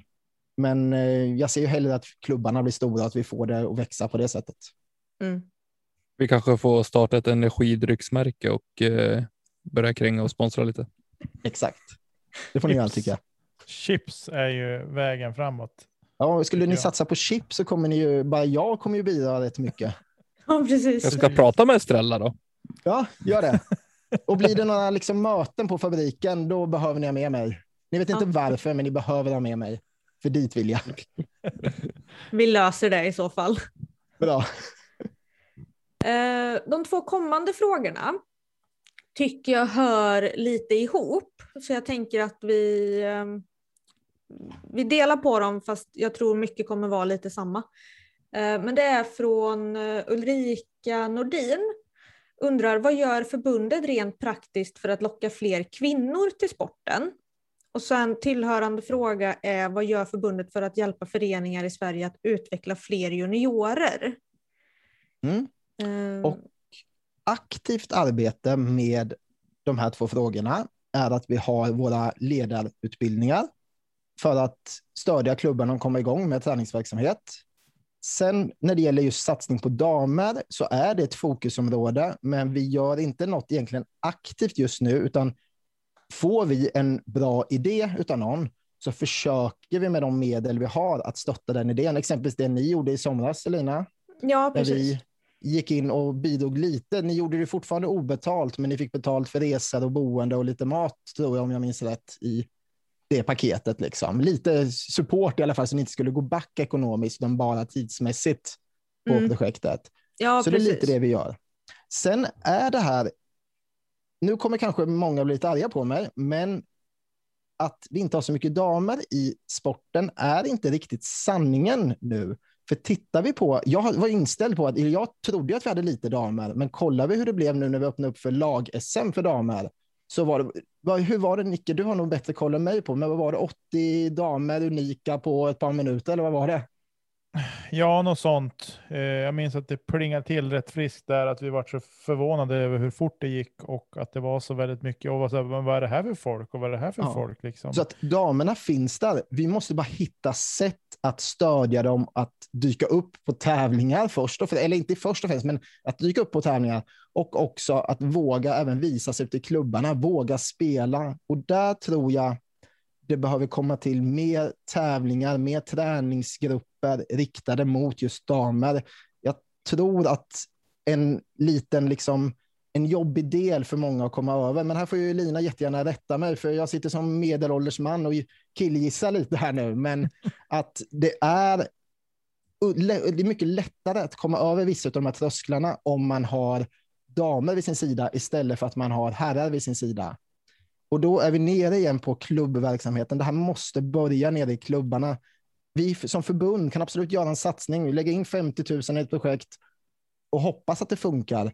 Men det kommer inte ge så mycket som det är just nu, utan det, det är liksom i klubbarna det kan göra skillnad. Mm. Om damerna där får stöttning att börja tävla, att börja träna, att ta med sina kompisar och så vidare. Sen kan vi absolut försöka hjälpa och ge verktygen för det, precis som med de andra delarna där, men det måste börja redan i klubbarna. Då vill jag ändå passa på, eftersom mycket av det som du har sagt nu har jag lite siffror på. Eh, och Mm. jag tänker att det är ju ett perfekt tillfälle att ta det nu när du ändå är med. Um, I och med den här tjejsatsningen som gjordes i somras på initiativ av Sofie som jag följde med på, eh, så nådde vi ut till flera delar av landet. Nu har jag inte den exakta siffran på hur många vi nådde ut till. Nej, men just den har jag inte. Jag ser att Tommy sitter och flinar. Um, men det var liksom, det gjorde starten för en tjejgrupp på Facebook och jag har pratat om den i podden tidigare. Men jag var faktiskt inne och kollade där idag igen för att ha nya siffror. Och vi är 247 tjejer med i den gruppen. Och bara det säger ju liksom att ja, det finns åtminstone 247 aktiva tjejer i Sverige. Eh, samtidigt nu så vet jag att eh, Birgitta Lagerholm tillsammans med Erik Svensson har startat ett eh, företag som heter Discgolfinstruktörerna. Eh, där det nu planeras ett eh, läger den 26 april för bara tjejer i Stockholm. Eh, där de kommer att ja, gå igenom tekniker, tips eh, och allt möjligt eh, där. Och det är liksom, det är mycket som händer och det är mycket som, ehm, som utvecklas för damer. Så att, att kanske förbundet, ja det lönar, det, det, vad ska man säga, det blir bra med det stödet vi kan få. Men lite som du är inne på, att det är egentligen bara tjejer som aktivt kan få fler tjejer att börja spela också. För att det är mycket lättare att kunna relatera till liksom situationen. Ifall, mm. som du säger nu då lite fint, en medelålders eh, man ska bjuda in till ett, ett eh, läger för tjejer men samtidigt inte förstå kanske fysiska förutsättningar eller sådana saker som vi har varit inne på lite med KI också. Eh, för det har skillnad och det är lite lättare att kunna liksom sätta sig in i situationer om man är av samma kön. Ja, och så kan jag vara med och besluta om att nej, men vi ska köra med damtid på våra torar om mm. det är det damerna vill. Men det måste komma ifrån damerna. Jag vill inte att en tävlingsgrupp som, ja, det, nu finns det, det finns en dam med i tävlingsgruppen, så det är inte bara, men majoriteten är killar där. Det blir så fel tycker jag om de sitter och tar beslutet. De får absolut, eller de tar beslutet måste de ju göra, för det är de som är tävlingsgruppen, men att de lägger fram förslaget och kanske tar beslut över huvudet på damerna tror jag blir mm. jäkligt fel, utan det måste komma, många av de initiativen måste tyvärr komma från damerna själva. Och det kommer ju med jämna mellanrum. Det är inte så att det inte händer någonting, utan saker händer. Och vi måste också komma ihåg att det är på två år den här sporten har vuxit så extremt mycket. Och två år är väldigt kort tid när vi pratar nationella frågor. Mm. Och det vet jag också, för just det, eh, Linda brukar ju lyfta mycket i den här gruppen. Och då är folk ofta väldigt aktiva med att liksom ge respons och input. Um, så det märks liksom att man utnyttjar den möjligheten också att få kontakt. Mm. Vilket märks nu då. Och inte minst med uh, lag-SM för, uh, för damer då. Och har man för, liksom, tips och idéer liksom, som dam, fast man känner att man inte kan genomföra det, skicka ett mejl till förbundet. Kan, vi kommer kanske inte kunna driva frågan, men har vi den i bakhuvudet så när vi får en annan fråga så kanske det liksom synkar så att vi kan samköra ändå. Så att vi bara komma in med förslag. Det, det tas emot tacksamt. Mm. Jag tänker på en grej Mattias, där du är inne på just att jobbet bör någonstans börja i klubbarna. Eh, och jag har en, en liten förkärlek till, eh, till Hofors, både som eh, klubb och liksom tillväxten av sporten i just det området. Eh, vad tror du de har gjort där för att faktiskt få eh, ja, men få till den, eh, ja, om man säger resultatet från, från klubben, för de har väldigt, väldigt många aktiva spelare och även på damsidan. Jag vet inte exakt hur de har jobbat. Eh, det finns ju andra exempel som Motala och sådana saker det också har vuxit och jag tror det funkar ungefär på samma sätt. Först och främst då är det en kärntrupp i klubben som brinner för det och de brinner också för det jag var inne på lite, där att inte, det är inte så viktigt att kasta själv alla gånger, utan jag är villig att ställa mig en lördag och välkomna nya spelare, skapa något litet jippo kring det. Sen har man stöttning kanske från kommunen. Man får den liksom delen i stöttningen att de kanske hjälper till att klippa lite eller att de faktiskt kan bygga en ny bana som i Motala så började med nio hål. Kommunen märkte att oj, vi har ju vuxit ur de här nio vi bygger 18 till och nu tror jag det är ytterligare 18 hål med minst rätt som är på gång där.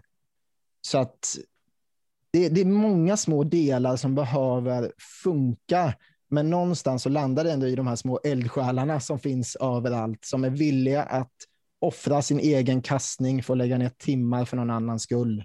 Och de, ja, man kan inte nog hylla alla de människorna, för de finns där ute i varenda klubb skulle jag säga. Verkligen. Det gör de. Um, hur um, gör vi mm, för juniorer då, som var den andra frågan? Samma sak där, man måste komma igång med juniorträningar i klubbarna. Vi måste, för att vi kan inte utgå från att alla föräldrar tycker discgolf är kul, även om jag tycker att alla föräldrar borde tycka discgolf är kul. Och att då skicka iväg sina barn på tävlingar om man inte själv insatt, man gör det inte egentligen. Alltså, jag hade turen att faktiskt ha föräldrar som litade på de andra discgolfarna i Västervik, så jag som junior fick åka iväg på tävling. Men jag förstår föräldrar, jag vet inte vad jag skulle släppa iväg mina barn utan att haft en träningsgrupp med en vuxen person som jag lärde känna. Så träningsgrupper är steg ett att börja med. Mm. Sen försöker förbundet med sina juniorläger som är varje år skapa en, liksom, att juniorerna ska känna en samhörighet. Så är man ensam i sin klubb och känner att man får inte med sina kompisar, då ska man i alla fall ha kompisar från andra städer. Att man kan skriva på Facebook till dem och veta att man är liksom inte ensam. För vi kommer till en jobbig ålder när man blir kanske 15, 16, 17 år, där det är så mycket andra saker som rycker i det. Och har man ingen kompis som kastar också, då är det jättelätt att man väljer att hitta på andra saker istället. Mm. Så det är väl det vi försöker med den här juniorgruppen i alla fall, att skapa samhörighet. Mm. Men för att få fler juniorer, den gruppen är liksom till för att behålla de juniorerna vi har, men för att skapa fler så måste det till ordentliga träningstillfällen i klubbarna, veckoträningar. Mm. Och, Ankan, Ankan som har ställt frågan är också inne på att man kanske kan gå ihop med skolor och faktiskt få in discgolfen redan på, på skolgymnastiken. Vi har sett lite eller några få exempel på det eh, i Ska vi snacka discgolf på, på Facebook där folk har donerat diskar och så vidare till, eh, till folk i gruppen som har varit eh, idrottslärare och så vidare som har varit väldigt uppskattat. Är det någonting som har förts dialog om i? ja, det, det finns ett arbete som jag gör just när det gäller det, men det här året är det så mycket annat som har tagit min tid. Men jag håller på med en, i första hand är det en pdf som förklarar grunderna i det. Vi ska lägga in lite övningar, lite lektionsplaneringar i det här när det slutförs, som man kan skicka till både idrottslärare och till fritids. Och sen där i ska det också finnas erbjudanden från något discgolfföretag. Jag har pratat lite med Kasta Plast och Disksport. Vi har inte liksom landat i någonting än, men att de, det finns konkreta priser. Det här är tre portabla korgar, här är 50 diskar, det här kan ni använda till i idrott och också då som sagt ha färdiga planeringar. Så att även om man är idrottslärare som är inte så insatt så ska man kunna ganska snabbt komma igång med det. Och där vi också då har tänkt lite på sådana saker som säkerhet som annars är lätt att missa. För att vi får in det tidigt i tänket, att man springer inte framför någon som kastar och sånt. Mm. Så att det är på gång. Men då vi gör allt ideellt så är det hela tiden en prioriteringsfråga. Vad är viktigast just idag att lägga min tid på? Mm. Någonting som gjordes här i Värmland i eh, Kil var att eh, en av våra väldigt, väldigt duktiga spelare som är junior, han eh, drog med hockeylaget som han spelar i. Och så här, då har eh, ordförande i den föreningen satt av tid före veckotävlingen till att ha juniorgenomgång. Kanske inte specifikt träning för att de har ju lärt sig mycket liksom på egen hand. Men att de har verkligen en genomgång av så här och så här gör man, det här ska man tänka på, säkerhet, regler och lite andra saker. Och alltså de är typ 12 juniorer nu istället för två. Låter Mm. jättevettigt. Och jag skulle vilja ändra lite tänk i svensk discgolf också. Vi är väldigt, väldigt tävlingsfokuserade. Det är jag också. När vi har våra träningar så är det veckodisk. Det är en tävling, även det. Vi går 18 hål och tävlar mot varandra. Och många klubbar inför en extra sån runda i veckan, så man har spelat två tävlingsrundor i veckan. Jag tycker att det kan räcka med en tävlingsrunda i veckan och den andra tiden är träning för klubben. Där man delar in sig i träningsgrupper beroende lite på vilken nivå man ligger på och sen fokuserar man på det. Och tillsammans med Ymer så håller förbundet nu på att ta fram en träningshandbok med övningar. Som, vi har inte bestämt exakt hur det här ska gå ut, men jag hoppas att vi ska kunna ge det till ett sånt ex till varje klubb kostnadsfritt. Så att det finns liksom 50 övningar kanske, eller vad det nu är i den här boken. Som man liksom, ja, det ska inte finnas så mycket bortförklaringar längre, utan man ska kunna sätta igång med de här träningarna. Vi har, här har ni övningarna. Det är bara att avsätta tid egentligen. Mm. Bara. Så sex veckor diskar i veckan är lite väl mycket med andra ord. Ja, jag tycker det. Men, men jag förstår, jag, jag gillar ju tävla också. Men jag tror att vi är lite farligt ute om vi bara fokuserar på 18 rundor i tävlingsform hela tiden. Elitspelarna gör ju inte det. Alltså, de ger sig ut på fältet och kör fältträningen. Och det behöver man även i tidig ålder. För att jag tror inte att vi kommer se en världsstjärna i Sverige som börjar kasta när han var 25 år. Jag tror att vår världsstjärna har varit junior och börjat kasta som junior och träna som junior. Mm. Det är därför vi inte har någon nu, för den har inte kommit än, men den är på väg. Det vet jag, vi var lite inne på i eh, den intervjun när jag var med i podden första gången. Eh, för här i Kristinehamn så har vi haft veckoträning Eh, där vi liksom aktivt under 30 till 45 minuter har gjort träningsövningar. Sen att den träningen avslutas med att vi ofta går en 18-hålsrunda, det är liksom lite ja, grädde på moset. Men då har tiden avsatts ute på fältet för inspel eller puttning eller ja, bara kasta egentligen. Det tycker jag är okej. Och det är ju lite liknande vad lagidrotten har. Det är ofta man avslutar träningen med två mål. Det är ju deras tävlings tävlingsmoment. Så det tycker jag inte är konstigt om man känner att man har tiden för att göra. Och då kan man ju också få ett väldigt bra tillfälle att faktiskt på riktigt sätt använda det man har tränat på. Har man tränat på inspel och kanske lagt om lite teknik eller sånt, då får man 18 hål direkt där man faktiskt kan applicera och se, har det gett något resultat så här snabbt från träningen? Ibland mm. ger det inte det och ibland får man det på en gång. Liksom. Så det tycker jag absolut funkar att göra så om man känner att tiden finns. Mm. Grymt. Eh, Karin Thomas Gunnarsson Frågar, finns det några planer på handikappsystem i discgolf som man har i vanlig golf? Nej, det är väl den enkla frågan. Det är inget som förbundet jobbar med, inget jag hört från PDGA som jobbar med. Däremot finns det privat initiativ. Nu har inte jag den länken, men går man in och söker på handikapp och ska vi snacka discgolf på Facebook så kommer man garanterat hitta den sidan där det är en person som har byggt ett handikappsystem som man kan använda sig av. Men det är inget jag vet inte om vi behöver det. Vi har ju våra olika klasser, amatörklasser och sånt. Jag vet inte liksom, om det finns utrymme för tävlingar i handikappform som måste vara så organiserade att vi måste ha ett nationellt eller ett internationellt handikappsystem. Jag tror att de handikapptävlingarna kommer vara på så lokal nivå att då kan man ta ett system lite som man känner för. Det är, det är väl min ifall åsikt i det. Sen är det kanske inte förbundets officiella åsikt, tack att vi inte ens har diskuterat frågan. Mm. Jag tror det heter discgolfhandicap.net, den sidan. Någonting sånt, ja. Mm. Yes, en tidigare gäst, Andreas Karlsson, undrar, nu när två av våra bästa discgolfbanor eller tävlingsbanor förmodligen försvinner inom kort, Ale och Järva, Eh, finns det några tankar från förbundets sida att kanske lägga en ny strategi kring att förbättra Sveriges tävlingsbanor? Kanske gå in med stöd om banorna uppfyller ett visst krav kring att få vara nationell eller internationell tävlingsbana? Ekonomiskt kan vi inte gå in med något stöd som det ser ut nu. Det finns liksom inga pengar att göra det. Ehm, man kan få lite stöd från RF om man är en klubb och driver en bana. Framför allt är det anläggningsstöd som finns, alltså man ska bygga en ny bana. Sen finns det ju behov. Det, det kommer ju kunna skada svensk discgolf om Järvas nya... Alltså Järva försvinner ju inte. Det, det, är en grej vi ska ta med. Det, det är en mm. sorglig grej det som händer där, men de har ju fortfarande 18 hål. Och om jag känner liksom Mats rätt så kommer det här fortfarande vara 18 bra hål. Det kommer vara snygga grejer. Får han lite tid med de hålen så kommer det fortfarande vara extremt hög klass på det. Så att vi kommer ha en bra bana i Stockholm, det tror jag, en 18-årsbana. Men för att ha de riktigt stora tävlingarna kanske vi behöver mer än 18 hål. Och han behöver kanske mer utrymme.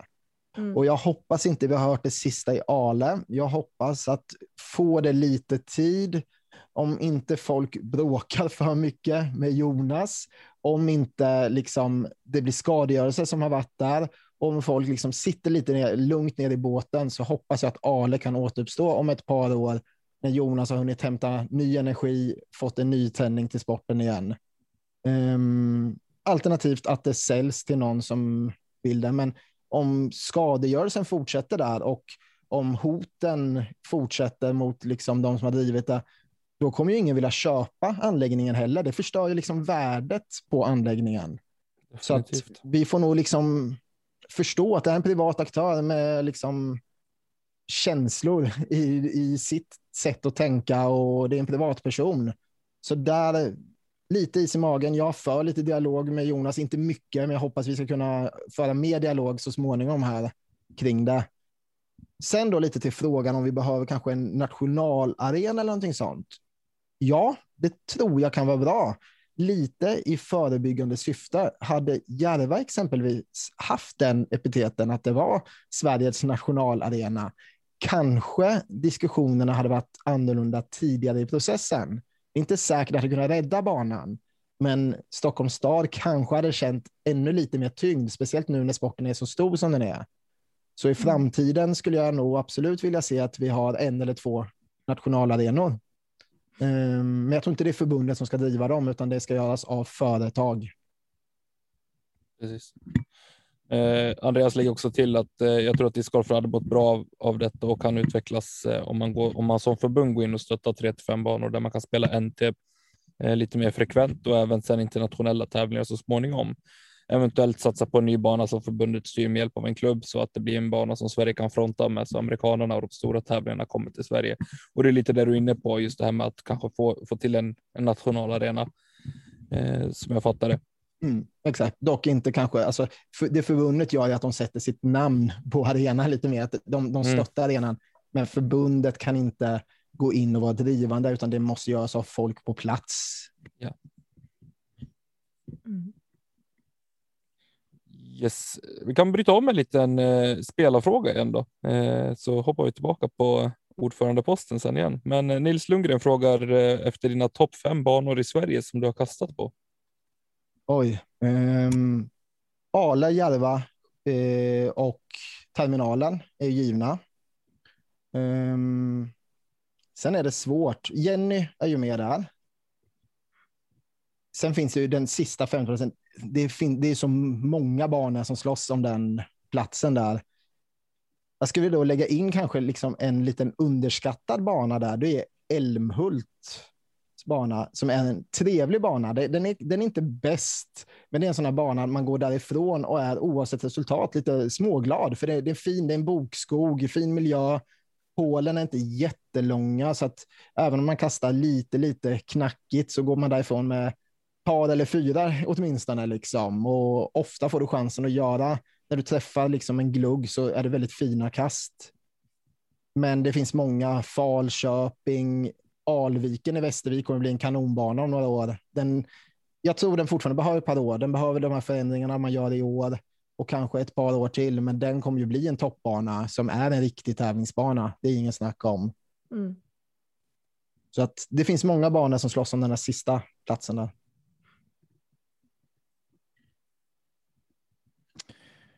Eh, Christian Neider ställer frågan, hur ser förbundet på hur PDGA hanterade coronautbrottet?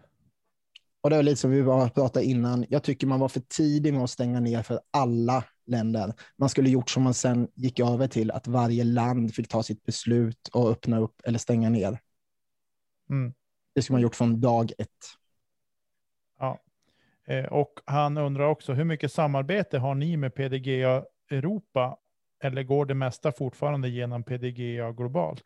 Ja, det, det är för lite samarbeten överlag mellan nationer. Det har gjorts lite för, försök. Vi har försökt att eh, exempelvis arrangera våra nationella mästerskap. Norge, Sverige, Finland samma helg. Men det är, det är jätteknepigt att göra sådana här samordningar. Det alltid någonting som gör att det inte funkar i praktiken. Men det är ju mm. något, när sporten växer så måste de här grejerna också växa med det. Vi behöver få bättre samarbeten. Men det bygger lite på att PDA bjuder in till det också. Mm. Precis. Eh, sen har vi en eh, fråga som vi egentligen redan har berört lite grann. Mikael Svensson skriver, ser du ett behov av eller potentiellt en stor vinst med en, national, en nationalarena för discgolf i Sverige? Ja, på det sättet att vi kan hjälpa till att skydda en bra bana. Att det är svårare att ta bort, för det är flera banor, vi har bara pratat om Ale och Järva, men det är fler banor i Sverige som står under hot. Eh, vi har ju Jenny i Västervik som kommer försvinna. Där har kommunen gått in och sagt att ni ska få en minst lika bra bana till och gett dem Alviken. Och den är ju en minst lika bra bana. Sen har vi Onsala, där det är väl vägbygge tror jag. Och vägbyggen är en som hotar flera banor. Ymer har väl riskerat att bli av med några hål ganska länge. Så det finns flera sådana här exempel. Och får man då ett namn på sin bana, att det här är en nationalarena, så är det ju såklart svårare för en kommun eller att plocka bort den. Det tror jag. Mm. Men sen, jag vet inte, och kanske också då att det blir lättare för de som driver det, att man får lite mer uppskattning. Problemet är väl att man kan inte ha hur många nationalarenor som helst, utan det kommer ju vara ett par banor kanske man kan välja ut. Mer än så kan det inte vara. Mm. Mm. Eh, sen var, skrev han så här, om ja, vet du någon som har undersökt möjligheten att få något större företag att köpa Ale Discord Center, sätta sitt namn på anläggningen eller inte beroende på hur du skulle se på saken? Jag vet att det finns jättemånga personer som tittar på möjligheten att få loss pengarna för en göra den här investeringen om möjligheten öppnas. Det finns liksom ingen officiell ansökan ute och det är det som gör att jag hoppas lite att Ale kan återuppstå när det har fått lägga sig, när det har fått gå kanske ett eller två år. Men eh, ja, det finns folk som vill köpa det. Sen om de har de ekonomiska medlen, det vet jag inte. Nej, just det. Du, det var alla, alla frågor som hade kommit in till oss på den vägen och jag ser här att det skrivs hejvilt nu av både Tommy och Elina eh, och de får ställa sina frågor själv. Jag ska fundera på en fråga faktiskt en Mm. liten stund. Så att eh, Elina, kör på. Ja, eh, vi berörde det superhastigt eh, under avsnittet. Och, men eh, du var lite inne på att det har ju faktiskt gått ut eh, på Facebook, årets spelare, eldsjäl och det är en kategori till, nu kommer jag inte på den. Eh, stjärnskott. Så är det, va? tack. Mm. När släpps de här? För det känns som vi Skulle har väntat sedan, väldigt länge. men eh, det måste släppas innan vårt årsmöte som är nästa torsdag tror jag. Så att det måste egentligen släppas den här veckan. Det, är beslutat. Jag vet vilka som har fått det. Det har varit beslutat länge, men av olika anledningar har vi liksom inte gått ut med det än, tack vare att det inte är en prioritetsfråga. Som vi pratade om innan, allt måste tas i rätt ordning när vi gör saker. Och i det här fallet så är det ju bara nyfikenheten som är problemet, för vi kommer ändå inte kunna dela ut några priser innan första tävlingen. Men Nej. det kommer ju stå i vår verksamhetsberättelse vilka som har fått det och det, så därför måste vi det ut innan helgen. Så vet inte när det här avsnittet släpps. När, Ja, det var lite det jag skulle komma till. Det här avsnittet släpps på fredag. ja, då är vi nära. Om vi inte hade släppt det så är det väldigt nära. Ja, vi får se då. Jag hade kanske tänkt att du kunde dra det Ja, som kanske. Jag har inte förankrat det hos de andra. ja, ja, det var värt ett försök i alla fall. Ja, Mattias, du vet ju att vi är duktiga på att killgissa i den här podden och eh, predictions är ingenting som vi är jättevassa på, men som vi ändå tycker om att hålla på med. Eh, så jag skulle vilja ha dina vinnare i eh, FPO och MPO eh, på årets SM i Västervik. Åh, hmm. Alltså jag är inte så jättebra på att tippa heller och jag går alltid den här safe-vägen. Men eh, jag skulle nog säga att Matilda nog faktiskt är mogen att ta ett SM-guld. Så jag skulle nog säga att hon vinner damklassen. Och sen är frågan om det är Linus Karlsson eller Anders Svärd som tar. Ehm, Nej, Anders får det tungt. Det är, hans press får ta det på hemmaplan. Den blir för tuff. Linus tar det. Ja. Ja, vi får följa upp. På det, Men Ja. det är, det är safe bet Mattias. Nej, jag vet. Jag försökte med Matilda i alla fall. inga högoddsare. Fast Matilda är inte så, så skräll heller. Hon Nej, men- älskar banorna i Västervik. Det, Ja. Nej, men jag tror, jag tror att hon faktiskt har vuxit på sig det där lilla extra som behövs. Sen är det ju så att även en duktig spelare är ju inte givet att kunna gå och vinna tävlingar. Det, vi var inne lite på det här mentala och fokus och sådana saker. Vi vet ju inte riktigt. Alltså, jag tror ju verkligen på henne att det kommer liksom, att hon kommer bli bra, men vi kan nog inte sätta liksom den pressen på henne att nu går du bara in och vinner här för att du är duktig kastare, utan det måste få ta tid att växa in i rollen som en toppspelare mm. Hon är ju bara 18 år också. Ja, ska ju Exakt. tilläggas. Eh, Men nu ser det faktiskt ut som Niklas har kommit på en fråga här. Det är lite Ja. roligt för du ser ju inte vad vi sitter och skriver till Nej, jag är livrädd. Nej, du ska inte vara livrädd. Det är ingen hockeyfråga Mattias. Eh, men jag undrar lite grann. Vad för du var, nu, du, du, förra liven som var, förra DGPT-tävlingen, då såg jag inte till dig på Discord någonting. Då det var lite premiär på Discord också, men helgen dök det upp. Mm. Och min fråga är, vad tycker du om att vi har den där live-chatten, ska vi väl egentligen kalla det för? Tycker det är jättebra. Jag är ju en av dem som har varit förbannad på de som skriker spoiler på Ska vi snacka discgolf. Idrott ska upplevas live. Vi ska diskutera kast, vi ska diskutera hur spelare beter sig, vad de gör och vi ska göra det precis när det händer. Så Amen. Jag, den här, den initiativet att ha den här discorden är klockren och jag hoppas att det i framtiden även kan gå över till att vi sitter och tjötar med varandra också när tillfälle ges. Och vilket chatter. Men ja, tror och du? gud vad härligt. och jag gillar att prata om det inte har märkts. Tio Ja, alltså, pers jag tycker- sitter what a shot samtidigt. Ja. Exakt. Alla ska härma DOS. Ja. Ja, precis. Nej, jag, alltså jag, tycker, jag, jag måste säga rakt ut, jag tycker det där är, förutom att livesändningarna har steppat upp jättemycket, så är det där det jag ser fram emot mest med hela helgen. Att få sitta med min laptop i knät, hänga med på Discord, eller jag, rent krast, det var ju lite roligt nu att Emil Dahlgren kom på sig själv att han hade inte slagit på sändningen, utan han liksom var bara inne i, i chatten. Bara en sån grej gör ju att man inser hur mycket tid av den, när man sitter där i soffan eller vart man nu väljer att sitta, att mycket tid går ju åt till att hänga mer på Discord än att se faktisk discgolf. Så, där. så att det, det är som på gott och ont. Och första gången så var jag helt insnöad i Discord, så jag såg väl 20% Discord och 80% Discord. Nu är jag lite mer kanske 40 Discord, 60 Discord sådär. Men det kommer ju så otroligt mycket berättelser, framförallt från er lite mer rutinerade spelare och upplevelser ni har gjort. Berättelser som Emil Dahlgren drog om, nu blir det ju svårt för folk som hör det här som inte har läst det själv, men den han drog om eh, Bradley Williams var det väl han berättade Mm. om. Bara en sån, alltså när han, jag vek mig dubbel, jag höll på att garva ihjäl mig fullständigt av en sån. Och ni berättar så mycket, ro, otroligt mycket roliga grejer som kommer upp. Så att det är ett tips till alla lyssnare här. In och häng med på liven eh, på Discord också, för ni kommer få skratta väldigt mycket. Men sköter för allt i världen.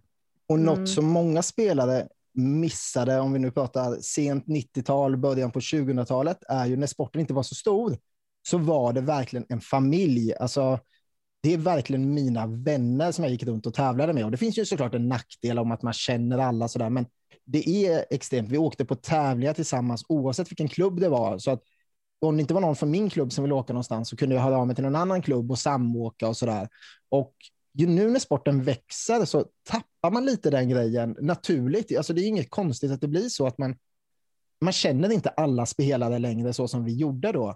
Men sådana här små grejer gör att ändå discgolf-familjen finns kvar på olika nivåer. För efter en säsong så kommer vi känna personer som vi kanske inte springer runt på tävling, men vi vet deras personlighet, att det här är en människa som bara drar Göteborgsvitsar eller vad det nu kan vara. Liksom. Det, Oj, oj, oj det finns många personligheter i en sån här grej som är extremt kul att följa. Verkligen. Nej, jag, tycker att det, jag tycker att det har varit så otroligt roligt och eh, det känns ju som att även att eh, vi har ju aldrig träffat varandra live så att säga, Mattias, men vi har pratat ett par gånger på, på Zoom och, så, och Teams och sådär. Men det som känns är att när man väl kommer att träffas så kommer det kännas otroligt naturligt för att man har, man har sett eh, i och för sig en chattsida av varandra så, men ändå liksom fått någon sorts känsla av hur folk är och interagerar och så med, med andra och även på vilken nivå humorn ligger såklart. Absolut, men så är det ju. Och tittar jag då, och vi går tillbaka till förbundsgrejen, så är det en sån grej som är extremt viktig för mig. Jag vill ju kunna ha en diskussion med spelare, men om de inte känner en personlig kontakt med mig, då blir diskussionen ofta du är dum i huvudet, jag tänker rätt. Man får ju de här arga mejlen, speciellt nu i coronatider, där folk inte förstår att det är liksom inte jag som sätter Sveriges lagar, utan men det är jag som får ta skiten. Men blir det mm. då lite personligt så blir diskussionerna på ett så mycket, mycket bättre sätt. För man kan ju fortfarande tycka olika. Så jag vill ju ha in input från folk. Även om jag inte håller med så vill jag ha igång diskussionerna. Och det här är ju en sån grej som blir så tydligt att jag finns i den chatten om man vill diskutera banor i Sverige exempelvis. Släng in en sån fråga när vi ändå diskuterar hur banorna är mm. lagda i USA. Så kan vi ha en liten debatt kring det? Jag kan ta med mig lite till min styrelse och sådana saker. Och det mm. blir, tack vare att vi är vänner som sitter där, så blir nivån på en så mycket bättre, liksom, ja, det blir en bättre nivå på det. Mm. Ja, exakt. Precis. Ja, jag tycker att det var, den här helgen var minst lika rolig som den första på Discord faktiskt, måste jag säga.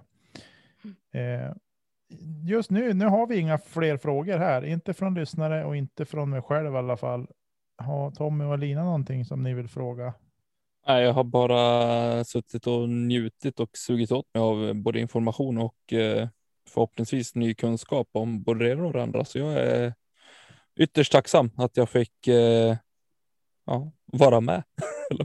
Ja, och tycker folk liksom inte som mig, man måste ta med sig att det här är mina tankar så som jag tycker om olika saker och jag tar jätte, jättegärna emot feedback om någon tycker att förbundet borde fokusera på ett annat sätt, göra på ett annat sätt, skicka till mig. Det är inte säkert man får igenom det man vill, men får jag inte liksom någon feedback på vårt arbete så är det också väldigt svårt att utveckla det. Så jag hoppas att folk som lyssnar vågar skicka iväg ett mejl. Så länge man håller det på en bra nivå så kommer man få tillbaka ett svar på förhoppningsvis en bra nivå också. Ja, ja det låter bra. Du, du pratade lite om årsmötet där mm. som skulle vara här om någon torsdag, om någon vecka eller så. Ja, om jag minns eh, rätt. Hur kan, man, hur kan man delta i det? Eh, föreningen anmäler en deltagare till kansliet och sen är det digitalt. Vi har inte riktigt bestämt vilken plattform det är Det beror lite på hur många som ska vara med. Ja, Men det blir just. någon av de här klassiska plattformarna för just att hålla årsmöten och möten ja. på distans med. Mm. Just det. Och de, våra årsmöten i Discgolfförbundet brukar gå ganska snabbt. Vi, vi har inte så mycket interna konflikter och vi försöker vara så förberedda vi kan inför mötena så att man behöver inte avsätta jättemycket tid och vi har lagt en vardag för att det inte ska krocka med helgens discgolfspelande. Ja, klokt. Och, och rutinerat ska också tilläggas. Ja, och vi kommer gå ut med lite påminnelse om det här i helgen också, att anmäla på Facebook. Ja, mm. toppen. Toppen. Ja, men du, jag tror vi säger tack och adjö till både till dig Mattias och även till alla lyssnare där ute i vårt avlånga land. Eh, har du någonting du vill avsluta med Mattias förresten? Nej, jag tror jag ändå fick in det sista där, att jag vill gärna få lite feedback. Och så hoppas jag att vi som spelare tar hand om våra eldsjälar ute i klubbarna. Att Ser vi någon på en eh, gräsklippare knackar de på axeln och säger tack för jobbet. Ja. Toppen. Feedback är en gåva som sagt. Mm, exakt. Mm. mm. Ja. Tommy, kan du avsluta det här? Du brukar vara duktig på det. Jag kan avsluta där. Vi eh, tackar Mattias för att du vill eh, komma hit och dela med dig av tankar och idéer och eh, framför allt rätta ut lite frågetecken. Och eh, ja, har inte du några andra ord du vill gå ut på Nicky och Elina så säger vi tack så mycket och eh, kasta inte kedja ut. Hej då. Hej då.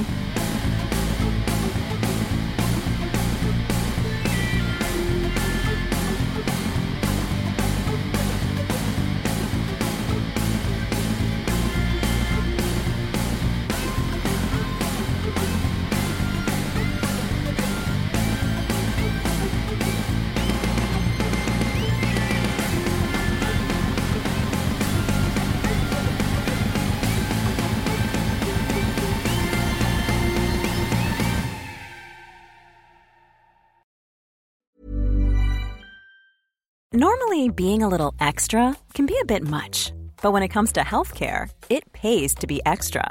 And United Healthcare makes it easy with Health Protector Guard fixed indemnity insurance plans. Underwritten by Golden Rule Insurance Company, they supplement your primary plan, helping you manage out of pocket costs without the usual requirements and restrictions like deductibles and enrollment periods. So when it comes to covering your medical bills, you can feel good about being a little extra. Visit uh1.com to find the Health Protector Guard plan for you.